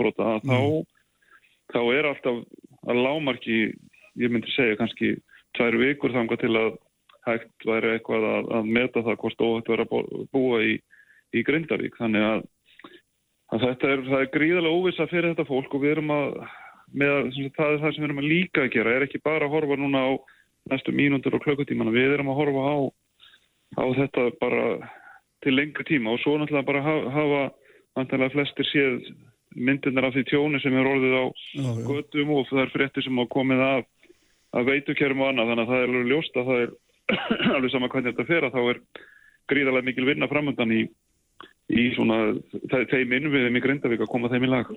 Tjóni er nú þegar orðið auðvitað bara verulegt. Það er það, það, það er ljóst. Alveg ljóst. En hvað, hérna, sko Segðu mér aðeins betur hvað þið eruð að hugsa svona inn í, inn í þessa nánustu framtíð. Ég menna, þú ert búin að slá því förstu að það sé að mista kosti tvær vikur þangað til að við getum yfir höfuð farið að huglega það að hleypa fólki inn á þessi svæði. En hvernig svona eru það að byggja upp í huganum eitthvað framald ef. Ef þar... Við erum að vinna þetta þétt með grindvíkingum og, og leggja áherslu það ástæðar í kerfinu að, það sé engin samtöl í gangi um, um hvað á að gera í Grindavík áns að Grindavíkar séu við borðið og, og bæjarstjórun í Grindavík er með vinnaðstöð hérna hjá okkur og, mm. og, og hérna bæjar bæjartænir frá engur og hér hafa verið e, skólafólkið þeirra, fræðslustjórar og skólastjórar og leikskólastjórar og fleira fólk að vera að koma hérna og það er verið að vinna hörðumöndum að búa til vinnaðstöðu fyrir fyrir hérna bæðaskrifstofunar og, og Reykjavík hefur, hefur gengið fram og, og bóðið aðstöðu sem hefur verið að vinna í þannig að hægt sé að halda upp í starfsemi stjórnkerfisins og það skiptir auðvitað mjög miklu málu og það sem er svona var sett fyrst á dasgrana og var unnið í gær með, með Grindavík og, og fræðslu yfirvöldum hér á Söðvestarhóttinu er hvernig getur við, við haft skólastarf fyrir, fyrir börni. Mm. Það er búið hérna mörg hundru börn og og það er heilmikil vinna í gangi í því og, og heldur áfram í dag. Já, það þarf að tryggja svona eins, eins hérna snurðu lítið líf og, og hægt er í raun og verum. Það er það sem er, er markmiðið þetta. Já, ég veit ekki hvað orð maður á að nota Nei. í að, að lýsa, lýsa því lífi sem er, er hérna, er, er núna fyrir grindvikinga, sko. Ég, ég held að sé, snöðru lítið sé kannski mjög vekt orðið því. Það Já, er náttúrulega bara... Það er svo stjött. Já, það er bara lífið er á kolvi og, og hérna og það eru er samt allir að vilja gerðir til þess að hjálpa og gera allt sem hægt er að gera og, og vorandi verður það áfram. Það er, við hefum oft talað um hvað skiptir miklu máli þegar á reynir að, að sína samstöðu og það er, það reynir verulega á það núna. Já. Hvað með, Ari, hvernig svona, hvað með aðra innviði að þínum að þetta á þessu svæði? Mm, það er sko eins og þann við varum að benda á það að, að, að sko, virkjuninn og, og þau mannvirki blá, bláalónið og allt saman auðlindagarðurinn, hann er auðvitað ennþá í, í ákveðinu hættu vegna þess að ef ekki ís norðarlega þá náttúrulega hefur, og, og lengi þá, þá getur raun á þarna nýrúr þannig að það eru fleiri vegin og ef, ef að raun fyrir í söðaustur þá fyrir það niður með Faradalfjalli til dæmis og þá tekur hann söðustandavegin í sundur þar, þannig að þetta er allt saman undir og, en svo verðum við líka að hugsa um sko efnarslegu áhrifin e, eftir ólíku sviðsmyndum. Mm. það getur gerst vegna þess að þarna verður náttúrulega ekki framleiðsla þarna, þarna er, þarna er, er einhver mikilvægasta veiðistöð landsins ekki satt? Og, e, og það allt saman er í húfi líka e, þannig að, að þetta er verður verður bækið að bera fyrir grindvikinga fyrst og fremst en samfélagið allt þegar fram í sækir en nú er ég að miða við svona vondarsviðsmyndir eh, þannig að e, ég held að, að e, það eina sem að við getum sett að móti þessu er e, þessi samstafa, samhjálp og samtal þessi mm. þrjú sam sem að skipta á miklu máli. Og við höfum auðvitað reynslu af þessu, við getum hort aftur til, til annara náttúru ára atbyrða á, á Íslandi og, og auðvitað stundum langt aftur í tíman en menn hafa nú verið að líka þessu við eitthvað sérstakt í sögunni, hólur hreins gósið eða eitthvað slíkt. Það er alltaf erfitt að gera það einfallega vegna þess að þar voru aðstæður aðrar, þar var stór megin eldstöð með í spilinu, bárabunga og, og kröplu eldar, þar var líka megin eldstöð í, í, hérna, í spilinu og þar rétt slapp uh, virkjun. Við erum aðrar virkjanir á, á Reykjaneskaðanum sem að um, við vitum ekki hvort að verði einhver tíman í hættu eða ekki vegna framhalds á þessum umbróta tíma sem eru, þá er ég að horfa til 50 eða 100 ára þannig að um, þetta þessi, þessi risi sem við vaknað hann uh, er að setja okkur í mjög sérkjærlegar aðstæður og ekki bara eina kynslu, þetta er fleiri.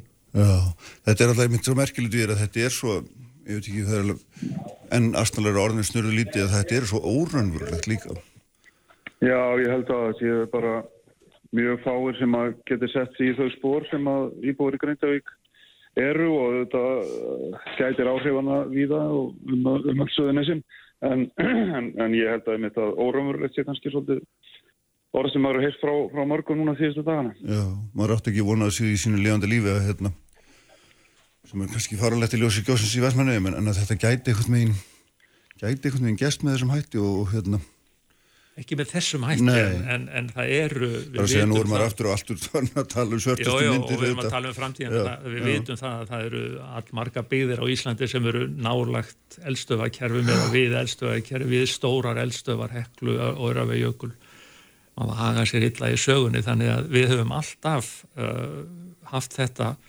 fyrir okkur. Uh, nú er ég ekki að tala um snjóflóð eða, eða eitthvað slíkt, ég bara reynd og klást elgos sem, sem uh, mm, eins konar nágrannar sem við verðum að búa við. Uh, við óttumstan, við nótum hann í, í, í háhita virkjunum og, og jarðhitanum og svo framvegis.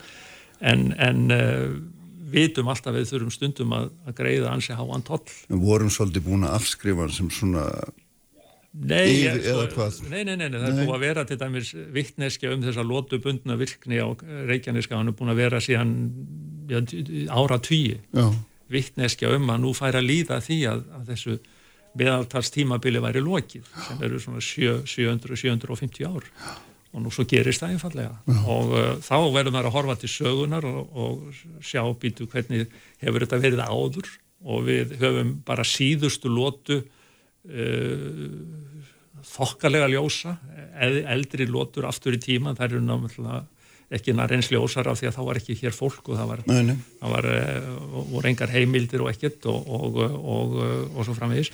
Þannig að, að það hefur alltaf uh, vofað yfir frá það þannig að, að nýtt óru á tímabil á Reykjaneskaðanum í þéttbílasta hluti hlutalansis gæti gengið í garð og, og svo gerist það og, og það eru aðrar eldstöðar í landinu sem eru að sapna í sig kvík ef við orðum það þannig. Eh, Bárðabunga, Katla, Hekla, Örafajökull, það eru óróa merki í öllum þessu stóru eldstöðum. Og þetta er bara það sem við getum reikna með að gerist á hverja öld fyrir sig. Og svo eru 500 eða 1000 ár á milli verulega stóra atburða. Mm. og þá koma þeir einhver tíma. En, en uh, ég myndi segja að þetta þessi stóri gangu sem núna verður til og svo atburðaðaras hún varð óvænt miða við það söguna sem við þekkjum Já. svona nokkurn veginn. Og þurfum að fara mjög langt aftur í tíman hér á Reykjaneskaðan til að sjá einhver stór gós sem voru þá svo kvöldu dingjugós já Við sko, það að koma fólki í skjól er náttúrulega nummer eitt og hérna en síðan hefur þetta verið rætt um svona einhverjar, einhverjar varnir. Hvað er þið langt komin í einhverjum hugmyndum um, um eitthvað slíkt? Eða býður það bara algjörlega eftir því hvernig hver þróun verður Nei, nei, við erum komið miklu lengra endur en það. Við erum, er búið að hanna garða með ákveðna forsendur og, og, og, hérna, og það er búið að gera tilrunni með garða hérna, í þessum fyrri góðsum hvað, hvernig, hvað virkar og hvað virkar ekki. Við erum komið með á svæði talsveit magna vinnuvélum og, og við erum búin að vera svona eins og vísindamenn hafa talið óhætt síðustu síðustu sólaringa að keira efni að stöðum eins og, eins og við sílíkafell þar sem að, þar sem að hérna, hraunin geti komið niður og, og sama er á og við þessa e, þennan kveikugangu, við erum búin að skoða þar eftir hvar, hvar hérna góðs kemur upp, hvað var ótt að gera til þess að, til þess að þá að verja byggðina í, e, í Grindavík eða, eða, eða hérna virkjanarsvæðis. Já Þannig að hérna, ég veit að þú þarft að hlaupa það mikið um að vera hjá þér og hérna bestu þakki fyrir að með mér en ég heyra að það er alltaf hérna þið eru þið eru hérna vinnið hörðum höndum að því að, að koma, koma hérna að ná utan um þetta allt saman. Já, helsa og velferð íbúin í Grindavík er nummer 1 og 2. Já, já, það er, ég held að það sé hérna við erum alveg óhætt að taka undir það. Við erum hérna bestu kveðju til ykkar og gangi ykkur vel með þetta allt og takk fyrir að vera með okkur hér í, í dag. Takk sem leiðis. Sko það er vonað fleiri gestum hérna, Katrín Jakobsdóttir verður hérna eftir Viljum Þór Þórsson, Fannar Jónasson, uh, Ari, þú leiði mér í gegnum þetta Já, hérna besti allt saman og Hefur við tíma til að tala um varnagarðan? Sko? Já, já, endilega, hérna, það er- höfum það að, það er búið að um, dæmis, verk, verk í sér sá tekníku af varnagarði sem að, svona, er svona hálf hálfspóraskja í kringum uh, bláalónsvæðið Mm. uh, og þar er greinlega verið að reyna að komast hjá því að vera með garða þvert á hraunreynsli vegna þess að gerist það þá fer bara hraunið yfir. Já, er það ekki? Vellur, það ekki gegnum þetta eru meira eins og leiðigarðar. Þú nota landslæðið, hallan í landslæðinu og reynir að hafa garðana samsíða hallanum. Eh, þannig að, að eh, það, er, það er hægt og, og skiptir auðvitað máli að þessi garda sé ekki mjög miklum lausum jarðefnum, sandi og mold og svona. Já, þetta sé grjót sem allra mest og svo er það líka, menn hafa verið að tala um einhverja kælingu sem að er nú stór mál venjulega því að það voru yfir 50 dælur í gangi og sandei í Vestmannegjum á sínu tíma og það já. hafði bara vissan árangur þannig að það er mjög erfitt að koma því við þarna bæði vegna þess að, að það er aldrei langt í sjó og uh, ferskvatt dugar ekki í þessu vegna þess að það er bara ekki nægilegt magnaði Nei. þú þarft svo mikið dælumagn þannig að, að eh, besta, besta vörnin eru og það er akkurat það sem við erum að gera og undirbúa núna, það er, það er einhvers konar garda uppleðsla og jável einhverja rásir grafnar og annað slikt en, en allt er þetta gert með tungun út í kinn. Þar til meðan vita nákvæmlega hver gís Já. Það skiptir öllu máli já, já. uppkomu staðurinn, hann ræður því hvar og hvernig garðarnir þurfa að vera. Já, og hvort er nýtast Já, hvort er nýtast og það já. er auðvitað aldrei tryggt heldur. Nei, nei. að því að ég sá náttúrulega þessum fyrri góðsum og þar var verið að reysa einhverja garda og reyna að vera að hleypa rauning og þannig en, en það, það lætur sér nú ekki alveg segjast. Nei, sko, það voru tveir garda sem voru þvert á raunreynslu og þeir fóru bara á erfá mínútum. En svo var eitt gardur sem var uh, ítt upp, var ítt upp í svona skarðið, alltaf hátt upp í, upp í uh, fjalli til þess að koma í veg fyrir að raun færi niður í svo kallan náttúrulega krika. Ekki beinaði öllu niður í náttúrulega hann, hann virkaði alveg sko. þannig að stundum ef að þeir eru rétt byggðir þá, þá, þá virkaði þeir vel. Nú annars er þetta til raun sem borgar sig. Já, nákvæmlega. Hérna við skulum gera östu hlið og hérna eins og vona á, á fleiri gestum hérna eftir, eftir augnablík Uppspretta frétta á Sprengisandi á bylginni heimsis mesta úrval Hlustaður hvað sem er, hvenu sem er, bylgjan. Sprengisandur, alla sunnudaga á bylginni. Sælir afturstundur höldum hér áfram um fjöllunum stöðun á Reykjanesinu. Uh, Fannar Jónasson, bæðistur í Grundavík, verður hérna í lokþáttarins. Viljum Þór Þórsson kemur hérna líka heilbriðisráþara. Uh, Katrín Jakobsdóttir uh, kemur hérna og síma eftir augna blík en Ari Trösti er ennþá hérna hjá mér og leiðum í gegnum þetta tröstum höndum. Ég var alltaf merkilegt það sem að við saði á hann um þessar tvær vikur mm -hmm. að fólk er aldrei hleyft aðna mm -hmm. tilbaka fyrir að lámarketti tvær vikur kom það þér óvart eða fannst þér eldi? Nei, nei, þetta er, þetta er náttúrulega ríkalega, ég orðaði bara þannig ríkalega erfið ákvörðun Já. að uh, bæða hleypa fólki bara inn til að ná í eitthvað uh, eða fólki, fólki, hleypa fólki inn til að vera þarna og sofa vinna og svo framvegis Þannig að nú er ég að miða við að það verði ekki gós. Mm. Þannig að uh, það eitt er, er, er uh, gríðlægt ábyrðað hlutverk og, og, uh, og það kemur náttúrulega reynslan og, og sérfræðingarnir inn og almannavatni sjálfar. Þannig að ég myndi ekki treysta mér í þennan kappal ef að ég ætti að segja eitthvað hér og nú, alls ekki. En, en svo er bara spurningi með, segjum nú að það verði gós og það verði bara lítið sem að þetta getur gerst já, já. það er ekki hægt að gefa sér það fyrirfram vegna þess að uh, þú að sé búið að slá á að þessi gangur geti verið 70, 80, 90 miljónir rúmmetra að uh, allt sem þar er er að fara að skila sér upp og, uh, og efni kemur til, inn, að neðan þá til að, svo, til að það gangi upp mm. það er þá efni í, í tölvett stórst gós en, en, en það er ekkit sem að hjálpar manni til þess að segja það fyrirfram að, að uh, gósi byrjar mjög öflugt eða byrjar ekki mjög öflugt mm. eða að það verði mjög langt eða stutt mm. og segjum nú að gós verði stutt þannig að, að uh, það komið þarna einhvers konar hlje þá er það aftur uh, mjög ábyrðað mikil ákvörðun mm. og erfið að hleypa fólki inn og segjum að bærin fari mjög vel og, og raunið renni í norður eitthvað slikt sko þá, þá erum við eftir sem áður með alltaf þessa, þessa erfiðu ákvarðanir að taka hverju sinni þannig Já. að svo ábyrg mingar ekkit hvernig sem fer. Nei, nákvæmlega. Við erum komin hérna uh, með Katrín Jágustóttur, fórsættisráð þar í Síman, særa blessu Katrín. Já, komið sælir. Sælirstu. Sæl. Já, það er hérna, við vorum að tala um það áðan meðan að við vorum að býða til að við erum, það hefur verið að skrifa Íslandsögum hvernig svo sem allt fer held ég að mér sé alveg óhætt að segja að þetta er, þetta er gríðarlega eins og þú nefnt sjálf hérna ótrúlega stór viðbörð, maður áttaði sig ekki á því eða sjálfur fyrir bara seint í gæri að hversu hérna gríðalegt hversu gríðaleg viðbörð þetta er í raun og verum Já, það er auðvitað bara í fyrsta lagi gríðalega stór ákvörðun að rýma Grindavík uh, sem gert var á förstaðskvöldi en það er auðvitað vegna þess að mat almannavarna er að bærin sé í hættu þó óvissan sé mikil. Hvað Híkan mun á endanum koma upp og þetta eru gríðar stóri viðbyrðir vegna þess að við erum að horfa upp á þetta eldflæðakerfi eins og Ari Trösti kannu þetta miklu betur en ég. Við erum að vakna til lífs með mikillig óvissu um sko hversu lengi þessar hræringar eiga eftir að vara og við erum eiginlega bara búin að sjá fórsmekkin á þessum hræringum í þeim eldgóðsum sem hafa verið á undan fyrir tveimur árum en nú erum við stött í mjög stórum svona, já, ég veit ekki hvort ég var að segja jarðsögulegum en, en allavega mjög stórum viðbyrði út frá náttúrunni og jarðfræðin en ekki síður bara með áhrifum og samfélagið og allt og, Mm. og efnaðarslífið sko. Já. Hvað hérna, hvað svona þið er að fara að hittast á eftir ríkistjóðnum kl. 12 og eitthvað svona skoðastöðuna, spá í spilin. Hvað er það veru svona sem að, Já, hvað að fyrir fundinu, maður má Já. orða það þannig, að ég er flókið að að átta að sjá því hvað, Það er erfitt að taka ákvarðanir þegar við vitum ekki hvað er að fara að gerast. Já. Það er náttúrulega alveg ljóst, en við þurfum að vera undirbúin undir allar sviðsmyndir. Við erum til að mynda að taka saman uh, laust húsnæði uh, ef áþarf að halda. Af því að hérna, sem stendur eru þetta grindbyggingar ímist heima hjá vinum og vandamennum eða í fjöldahjálparstöðum. Við erum að vinna með sveitafjölunum og þessu.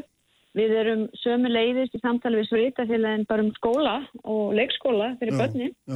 Já, Við erum náttúrulega vinn út frá því að við vitum ekki hver lengi rýmingin mun vara en uh, okkar hlutverk eru auðvitað bara að tryggja annars verður auðvitað öryggi íbúa og að þeir geti haldið áfram uh, sínu lífi eins og hægt er.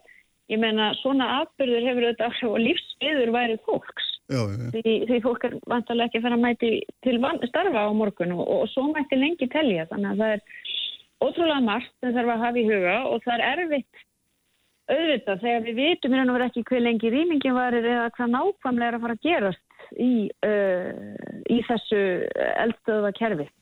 en, en mun ríkið sjálf taka utan um alla þessa þætti sem þú nefnir svona Já, því gefna þurfi að, að bregðast við. Já, það var að fundur með öllum ráðuneytum í gær og sveitafélögum uh, og við auðvitað þurfum að vinna þetta mjög nánu samræði við grindvikingar sjálfa. Já, sjálfsögðum. Um, og síðan að þetta á sama tíma er við stöpt í miðju viðbræði þar sem almannavarnir auðvitað fara með fórustuna frá klukkustund til klukkustund að meta í raun og veru hvað er að gerast. Og uh, það er í gær þá bæði auðvitað áttu við fundi með uh, veðurstofunni sama enga meðstöðinni bara í raun og veru til að reyna átt okkur á. Og það eru auðvitað margar sviðsmyndir, sumar mjög slæmar aðrar betri. Og uh, það er auðvitað alltaf erfið að vera í að hérna, það er þessi óvissa að Já. ekki hvað gerist. Já, og það var nú, ég hitti nokkra grindvikingi gær og það var auðvitað það sem, sem sögðu sko það er eiginlega verst sko að sitja bara hér og og vita ekki til að mynda hvort þau geta komið í bæinn og sótt einhverja, einhverja lífsnössin eða ég veit að það er uh, auðvitað unnið að því að, reyna slíkt en þar verður auðvitað öryggi fólks að vera í fyrirrúmi. Þannig að það er óvíst að það gangi þó að, að sjálfsögðu sé að það undirbúið ef aðstæður eru öryggi, öryggar. já, já, já. En það er nefnilega svo nefnir auðvitað, það er svona, þegar maður fyrir að hugsa um þetta, Ari líka hérna, og þetta blandar inn í þetta, þegar maður er að hugsa um þetta, þá er svo margir þættir daglis líf sem að hrökk úr skorðum. Það er auðvitað skóli, það er vinna, það er hérna, það er að kaupa í matinn og þú veist, allt þetta sem að bara fer á flegi ferð þjá þúsundum. Já, já, og, og, og hlutföllin eru náttúrulega sérstök vegna þess að þetta er, þetta er sjávar, þetta er sjávar bær og uh, hann er stór á, á, á, í þeim vettvangi og, og, og það verður verulegt tjón ef að illa fer við gætum Mm. mist höfnina og svo framvegis, skiljiði. Þannig að, að, að, að það mun þá hafa áhrif á efnaðarslífið. Uh, Ég skal ekki spána einu um einhverja, einhverja, einhverja verðbólgu og annars líkt skiljiði. Þetta þetta er auðvitað eitthvað sem við höfum ekki staðið fram með fyrir síðan í Vestmenni eða góðsinu eitthvað slíkt. Eh, Þannig að það verður að horfa til alls þessa og, og, eh, og eh, náttúra hamfara trygging, hún er, er vel stödd, veit ég, og, og eh, þannig að það er hægt að bæta fólki það en þú bætir ekki svo margt annað og þú har jafnvel að hugsa fyrir alls konar uh, aðstóðu fólk uh, til þess að ná utanum Já, já. sjálfan sig Já, og, og, og sína uh, þannig að þetta er, þetta, þetta er, þetta er heilbriðismál þetta er, er ótal hlutir ef að illa fer þannig að, að hérna, ég held að það sé eitthvað sem að þarf að skoða. Já, Þa, það er nú eitt af því sem við erum að skoða með, með sveitastjórninni sko hvort að eins sé að setja upp einhvern samkomustaf já, fyrir grindvikinga eins og eins og gert var í gerðu, já. já, bara að því sko og fyrir utan hennar stuðning sem Ari tröstur að nefna sem við þurfum að vera reyðbúin að veita uh, bæjabúum en líka bara það sko að fólk geti hitt og, og, og, og svona tekist á við þetta saman sko. Já, já. Þannig að þetta eru þetta bara ótrúlega stórst, ég get sagt þér það að að, eh, sko, einmitt, þú sagðir maður átt að segja ekki á því strax hversu stórt þetta er en, en svo finn ég núna til að mynda að það er nú ymsir kollega mínir í útlöndum búin að vera að hafa samband að það eru þetta gríðarlega stórt þegar uh, fólk lest fréttir af því að hér sé búið að rýma heilan bæ Já, uh, vegna þess að það sé óvitað hvar eldgóðs getur komið upp og jafnvel mjög nærrið þeim bæ. Þannig að sko auðvitað sko átt að segja allir á því einhvern veginn þegar maður horfir á þessar myndir þessu svakalega stórst þetta er. Og ég held eins og ég er nú svo sem búin að segja við þar að, að sko við erum öll allir landsmenn einhvern veginn hugan þarna. Mm og við grindvikingar núna. Ég er alveg grindvikíkar eins og einhver saði en svo, svo er en það er jókar í spilinu sem er þetta þeitigós eh, sem er hugsanlegt út í sjónum því að þá er það náttúrulega tiltölu askuframleysla, gjóskuframleysla sem verður óþægileg fyrir marga og getur tafið eitt og annað mm. en það getur líka haft áhrif á flugu um einhver tíma. Já, já. Þannig að það þarf líka að svona hugsa fyrir því uh, á þess að maður getur skipulagt nýtt fram í tíman en það, það eru þarna óvissu þættir sem að hlaðast upp. Já. En það er hins vegar ótrúlega forréttindi líka, þó að þetta sé alveg skjálfilega snúin staða, það er auðvitað bara hvað maður finnur hvað við eigum gríðilega öflugt fólk sko á öllum vettvengum uh, í raun og veru alveg sama hvort hort er á náttúruvísinda fólkið eða almannavarnir eða sjálfbóðulegana, mm. Rauðakrossin, Björgunarsveitirnar og svo auðvitað bara alla þess að viðbrásæðilega lögurglóslökkulið, þetta er alveg ótrúlega sko og ég segi það að þessi rýming sko gekk til að mynda ótrúlega bumlist fyrir sig vegna þess að hér er öllum fólk sem stendur á bakvist. Já, já, það er hérna, við fórum bara að hugsa þegar varst að nefna að það þarf að finna samkómstað, ég man ekki betur en í Vestmannegósinu þá hafi verið sett að lakirnar, var það bara dagskrá í ríkisúttarpinu eða var það sérstak útastöð sem að... Það var sérstak útastprógram sem við vorum með Gíslu Artur Helgar, Helgarsin og það var líka samkominnstæði til dæmis í Hafnarhúsinu í, í, í Reykjavík já. fyrir þá sem voru hér á, á svæðinu þetta er allt saman gömur reynsla og, og ef við leggjum saman sko, vöktunarkerfið og viðbrakskerfið og almannavarnir og reynsluna e, þá, þá stöndu við tiltúrlega vel e, kannski betur mm. en flesta aðra þjóður sem að það sem er eldvirknið þannig að að því leitinu til getur við verið bjart sín. Já, já, það er náttúrulega bara, aðalmálið er þetta fólkið. Það já, er náttúrulega nummer 1 og 3 og auðvitað geta áhrifin orðið margvísleg en, en það er okkar forgangur, nummer 1 og 3 og það er fólkið á sæðin. Nákvæmlega, þið munir hérna og ríkið er svona skuldbundið sér til þess að taka auðvanum þess að þætti bæði hérna félagslegu, hérna efnarslegu og ekki síður hérna hérna sálrænu. Já, já, við reynum að gera okkar besta í því og eins og ég segi, erum að vinna út frá ólíkum sviðsmyndum og við ætlum að fara yfir það hér og eftir á fundinum uh, og síðan er þetta bara, já, þetta er bara verkefnið þess að dagana. Já, nákvæmlega, neini. Það segir sér sjálf. Bestu þakki fyrir að vera með okkur, Katrín. Gangi ykkur vel með þetta allt saman. Takk, verið bleið. Og hérna við hefum vonað hérna Fannari Jónasinni bæðistur í Grindavík hérna eftir augnablik, verður líka á síma hjá okkur, það er menn er á hlaupum út um allan bæja Viljum Þór Þórsson er hérna varpið hérna fram. Og ætlar að koma hérna inn vegna við erum auðvitað líka að tala hér um helbriðismál þetta er reysa stort helbriðismál að taka utanum, utanum fólk með þessum hætti. Uh, Ari, þú ert hérna þá það er, það er hérna, leiður okkur heldur áfram sko hérna, já maður staldra einu aftur og aftur við þessa þessa 800 metra tölu, já hún sýtur með inn í höðuna mér. Já, já, svo, er, og svo fast. er, er, þetta, þetta er nokkur veginn hæðin, hæðin og esjunni ef að mann muna hvernig esjan lítur Já, já, nákvæmlega, við vorum einmitt að tala um það fyrir viku. já, 800 metra. En, en, en það er kannski einn ein samlíking sem væri alveg, ef við höfum einhver tíma til sem væri alveg þess að skoða að sko, stærstu gósin í síðustu miðalda gósinu sem er þarna á 11. og 12. 13. öld er, er eldvarpagósið það sem er eld, svo gígaröðin er um það byrjum 10 km lang þannig að maður geti sagt að þá hafi orðið til ansið öflugur kvikugangur uh, sem að skilaði upp 10 km langri gígaröð og uh, gósi í, í heilsinni var ekkit sérstaklega öflugt raunnið er ekkit mjög stórt nokkru 10 ferkilometra í hæstalagi þannig að uh, það er svona ákveðin, ákveðin hérna möguleiki að, að þetta verði eitthvað svipa þannig að við erum ekki endilega að tala um einhver ósköp uh, þó að þessi Nei. gangur hafa orðið til. Því að, að uh, það er eftir að líka þessu einhver leiti saman við, við gósið í eldvörpum á sínu tíma. En uh, við vitum það ekki betur. Nei, akkurat. Uh, Viljum Þór Þórsson, helbriðsáður, er að koma hérna, koma sér fyrir hjá okkur uh, og fannar Jónasson á að vera hér í símanum staðar.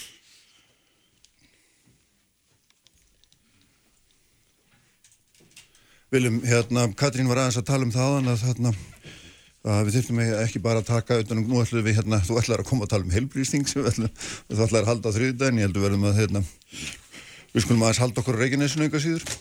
Hvað er svona, hérna, hún var að tala um það að við þurftum að taka vel utan um grindvikinga, ekki bara félagslegu og efnarslegu hlýðina, heldur líka hennar sálröð, þetta væri ekki síður helbriðismál og ég veit að þið eru náttúrulega þegar búin að vera að vinni því að flytja fólk af dvalarheimilum, sjúklinga og milli staða.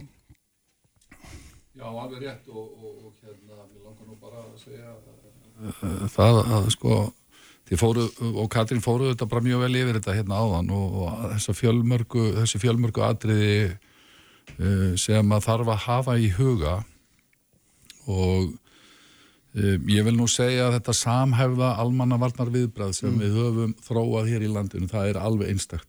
Og á það reynir við svona kringumstæður, þetta er auðvitað af mjög stórum skala. Mér liggur við að segja að það sé í, í sko ég var tíu ára gammal þegar að Vestmannaði gósið var og, og hálf ættinn þar. Og mér finnst það einhvern veginn svona e, endur ljóma þannig séð núna við þessar kringustar, þetta er mjög sambarilegt uh, og þá er hugur okkur allar uh, hjá grindingum og við erum all almannavarðin eins og segir, að sko þegar á föstudaginn þá reyndi nú á viðbræðið, við höfðum farið með uh, heilbriðstofnun Suðunisja hafði farið yfir sitt almannavarna viðbræð með samæfinga meðstöðunni hvað ef og hort inn í sviðsmyndir. Mm. Síðan reynir á þetta á förstu degi aðeins fyrir á hjúgrunarheimilinu Víðilíð heldur en eh, heldur en áður en það er heldar rýming Uh, það gekk fumlaust fyrir sig að flytja 20 heimilisbúa þaðan yfir á helbriðistofnununa og, og, og, og daginn eftir þar sé í gær þá vorum við í, í, í fullu sambandi og samráði við öll.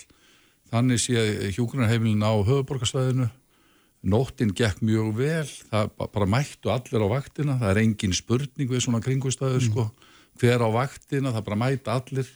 Það er allir mjög meðvitaður um það hvaða viðbrætt tekur við þetta er þar, þarna sérhæður af flutninga.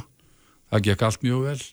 Uh, í samræði við öll hjúkunarheimili hér á höfuborgarsvæðinu er síðan búið að flytja uh, vistmenn hingað inn á höfuborgarsvæði af því að við erum meðvitað fyrir hjúkunarheimili á, í Reykjanesbæ og þá þarf að horfa inn í aðra sviðsmyndir í framhaldinu Eh, Hér er mjög mikilvægt að ég heyri það og, og Ari Trausti hefur farið yfir og þau voru að ræða hér áðan við fórstisáðara. Það er þessi óvisa. Ég held að sé mjög mikilvægt við svoleiðis kringustæður og ég held að við séum alltaf að læra það betur og betur. Að virða óvisuna, viðukenna óvisuna og taka allar ákvarðanir sem að fela í sér fullvissu fyrir þá sem er í þessum óvissu kringustæðum aðalega íbúar grindaðugur sem eru algjörlega búin að sko, hefur orðið gjörbylting á þeirra venjum og háttum og, og, og, og daglugu lífi. Og það er það sem ábyrð okkar kvílir í gegnum samæfingar miðstóð og almannavarnir alveg út í alla ánga að skipulegja frá degi til dags. Þannig að- íbúum greinda ykkur þetta hafi sem minnst áhrif á þeirra líðan. Mm. Þetta auðvitað raskar öllu þeirra, þeirra lífi. En þess vegna er mikilvægt að allar þær ákvæmlega sem við tökum fel í sér fullu sem við erum hérna að fara yfir svona hluti hér á eftir á ríkistjórnafundi ég með, með ríkistjórn sem að snýra helbriðskirinn þær eins og, og, og neyðarbyrðir horfa inn í sviðismyndir hvað þarf af livjum hvaða livmyndi þyrfa ef að þessi mynd kemur upp eða önnur? Mhm. uh, og svo framvegis og síðan samhæfa skipula uh, helbriðistofnana hér á, á öllu höfuborgarsvæðinu og, og í Reykjanes og með helbriðistofnunum Suðunis og, og, og, og ég verða að fá að nota tækifæri og, og hrósa heilbyrðistofnunni og öllu heilbyrðiskerfinu og öllum stofnunum fyrir það að, að, að sko vinna öll sem einn maður og það auðvitað gerist ekki nema vegna þess að mm. við höfum farið gegnum svona kringustöður og við eigum þetta almannavarða viðbra sem er svo dýrmætt. Já, Fannar, sælum lesaður. Sælverði. Sæl, það er hérna, ég er bara svona, maður byrja bara, hvernig líður þér? Mér líður nú ekki ítla sjálfum en þetta er hugur minna alfarið bara hjá íbúunum, öðrum íbúum í Grindavík. Þetta er náttúrulega ofbóðslega stór atbörður og, mm. og það að bæjarfélagi sé ringt og það sé bara mannlaust með þessi viðbrastæðilega þurft að vika vettfangi er eitthvað sem að við settum nú inn í rýmingar og viðbrastæðalani hjá okkur en, en söndflæði líkun og, og svona vestu sviðsmyndir voru ekki þær að það myndi vera mögulegur kveikugangur svo kilometri skiptir og líka undir bænum þannig að þetta er svona miklu stærri atbyrður heldur en við heldur en okkar á okkar flottur aðgjöfum eila gerðu ráð fyrir og stöndum fram með fyrir þessu Já. og ég er mögut að reyna að vinna úr því sameiginlega. Hérna ég sitt í skóalíðinni hér og var hérna í kær og og verðum hér áfram. Og uh, megin atriðin og málinn hjá okkur núna eru aðalega lotið að þreymur stóru málu, það eru fræslumálinn og í, í gæri var fundur með uh, fræslustjórum allra sveitafélagin eitt á höfuborgarsveiðinu og, og inn á söðunni sem líka. Og við erum að leggja ríka áherslu á það að, að grunnskóla nefnendur og, og yngri börnin komist í leikskóla og uh, reynda að halda rútinunni eins, eins skoðu jafnvægi og hægt er og eins með varandi íþrótt og tómstundamál. Eh, Grindavík er mikill íþróttabær og við erum að leita til þessar aðeina um að aðstóði þessu efni. Ég vil líka segja frá því að mikið alvar fundur með borgarstjóra og öllum bæjarstjórunum hér á höfborgarsveðinu og og eins frá að Reykjanesi þannig að menn lögðust þar yfir málinu og það var gríðarlega mikill samhugur og mikill vilji til þess á öllum þessum aðlum, öllum þessu öllu og sveitafélögum hérna á höfborgarsvæðinu og ég veit að það stemdur á bakvið okkur landsmiðin líka. Að reyna að rýma fyrir uh, okkar fólki í, úr Grindavík börnunum og eins uh, félagsfjónustinni, við erum búin að halda fundi með varandi félagsmálinn og það eru líkilæri í Grindavík sem hafa komið hingað og, og, og funda með okkur og þessum aðlum þannig að það eru þessi því þætti sem við leggjum höfuðu áherslu á núna. Það eru, eru fræslumálinn það eru félagsmálinn í stóru samingi fyrir þá sem að minna megasín og þurfa aðstofa að halda eldir borgarar og, og aðrir og svo er það húsnæðismálinn það, það er líka hópur vinnandi því að reyna að finna einhverja lausni það er auðvitað að tala um að þessi húsnæðiskortur á landinu það er líka erfitt að selja nýjar íbúður og mögulega getur við komist þar inn í tímapunktir og svo í fjörðarlegi kannski bæta því við að við erum að reyna að, að, hérna, búa til teimi, sterk teimi hérna til þess að meðla upplýsingu til fólks. Og uh, það var náður nú hérna setna hlutanum af þættinu hjá þér áðan að ég hérna kom inn á, inn á samtalið og það er þessi samfélagsmiðstöð eða þjónustu miðstöð sem munið er að Já. því að opna hérna líka og þar verða, verða getur fólk hist og, og, og rætt sín mál og opna sig í hópið sérfæðinga og, og skiptast á upplýsingum. Erum líka með kyrðar stund í, í Hallgjörnskirkju núna klokkan 5 í dag þar sem að erum fyrst og fremst að bjóða upp á það að grindvíkingar getur komið saman og og svona sýrt saman, getur við sagt. Óvissan er það kannski erfiðast að við þetta hjá okkur, við vitum ekki í hvað stefnir. Hvenar áttaður þið á, for, svona finnst þér að þetta væri raunverulegt? Því að ég held að maður svona, ég notaði orðið óraunverulegt í morgun og við er allavega fannst að svona ekki óæðilegt notkun. Hvenar áttaður þú því sjálfur á því að þetta, þetta væri raunverulega að fara að gerast? Það var eh, svona nokkuð eftir hátti á förstu daginn, það var ekki lengra síðan. Við vorum að vinna með allt aðra sviðsmyndir sem alveg þekkt er og fjölmjölar hafa gert, gert, gert ríka grein fyrir. Það var að reyna að verja svartingi en síðan gerist það að það fer að verða miklu alvarlegri atbyrður og, og bóslega mikil og snöst bjarskjartar hérna sem var með því harnasti sem við hefum fundið á þessum fjórum árum. Og þá var það að vinna með allt aðra sviðsmynd. Þetta þetta ég, er nú nokkuð innarlega í þessum hópi og og sitt ymsa fundi varandi máli og þá þá var okkur sagt á þessu við fyrir að vinna með þetta á alltaf um grunni. Mm. og, og bara alveg síðan fram á, ég var bæði viðbras stjórninni á förstaskvöldu fram á nótt og aðgerðastjórninni á Reykjanesi og síðan er ég búin að vera í samæfingastöðinni hérna í skóli síðan, það sem eru tvíir manna. Og veðurstofan er, er með fullt af mannskap hjá sér og vísindamenn og frábæri vísindamenn sem vakti þetta. Og við getum ekki annað en að fylgjast með því sem er að gerast og fara bestum manna ráðum Nei, nei. en, en auðvitað, það er, þetta snýst allt um þá sem betur þeir tóst einstaklega vel til með rýmingu við áttum sinnlega ekki vonaði þó að við erum með rýmingar og viðbrasáallanir tilbúnar það tækist svona vel til fólkið aðra laust og það verið þá jákvæði þáttur við þetta þetta skildi vera á förstu degi sem rýmingarna voru því að margir fóru bara á bænum Já. það svona kvíla sér frá Svona láni óláni. sem má segja. Það lé- Það létti mikið á og síðan gengur þessar áallanir einstaklega vel og ég heyri það hérna í skóvalíðinni að, að fólk er bara bara eiginlega jafnvel undrandi á því hvað tókst vel til og allt, allt gekk vel með náttúrulega þessu frábæra fólki og, og bara íbúarnir samstiltir að reyna að gera það besta. Já, ég ætla rétt að ná hvað er áþrann því ég veit að hann er að fara ríkistjórnafund hérna.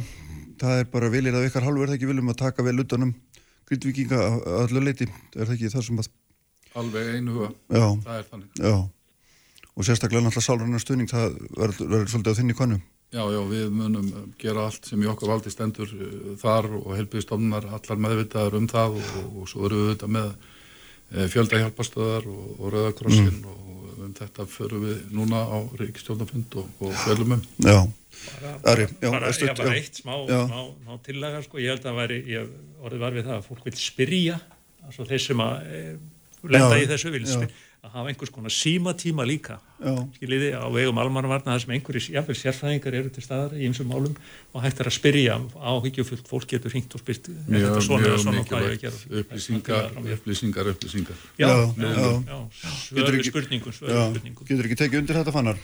Jú, jú, þetta er eitt af því sem er í vinslu. Þetta er auðvitað gríðarlega mikilvægt að halda þessu þessum upplýsingum hátt á loft í nýjust og bestu upplýsingum. Það er eitt af því sem er að vinna hérna. Þetta er alveg laugrétt. Það þarf að leggja mikla áherslu á þetta. Já. Og Viljum, veit- sárann í þátturinn, sko, það, við, við, það, það meitist engin og það eru ekki alveg meðslu og engin meðslu á fólki en, en það er aðalatri en síðan eru náttúrulega eignir fólks undir þannig að Já, áveikunar eru margskonar og þannig að þarf að, að hlúa hennum andlega, að andlegu hliðin eins og mögulegt er, það Já. er að höfuð áhersla. Já, þú verður hérna að gæta hérna að fara vel með því sjálfur. Held ég, hérna, missi nú alveg átt að segja það við þig. Ég held að þú sért hérna, hefur nokkuð sofið undir hérna daga? Jú, jú, það væsir ekkit um mig, það eru aðri sem hafa það miklu verið en ég.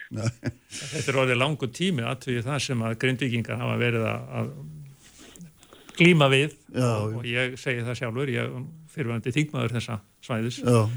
að, að bæði þær sveitistóknir sem ég hef kynst og, og bæjastjóri og, og, og fleira fólk við bara sæðilega þannig að þetta er einstaklega fumlust og tröst fólk. Já. Já, hvað, hérna, ríkistjórnir er að fara að funda fannar, hvað svona, hvað blasir við hjá þér í dag, hvað, vantarlega fleiri fundir og enn fleiri fundir, Já, hvað já. er það svona næsta sem að þú ert að fara?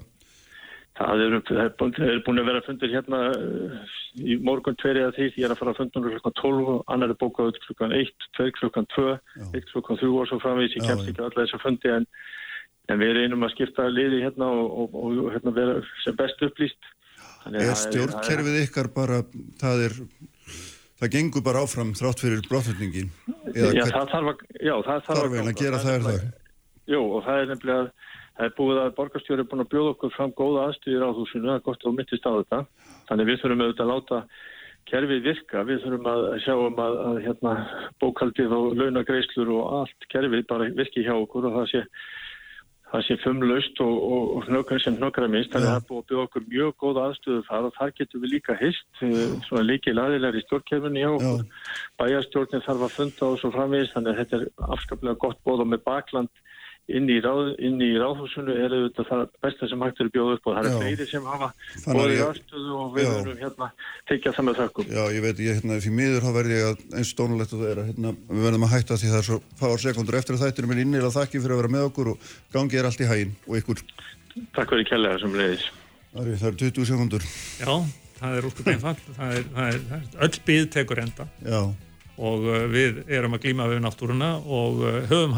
er, oftast og uh, það er bara von til þess að svo verði nú. Takk einnilega fyrir að vera með mér Ari, sérstaklega, en ykkur öllum sem að hlustuðu og öllum sem voru með okkur í þetta við haldur svo stýrið útsendingu við sæl.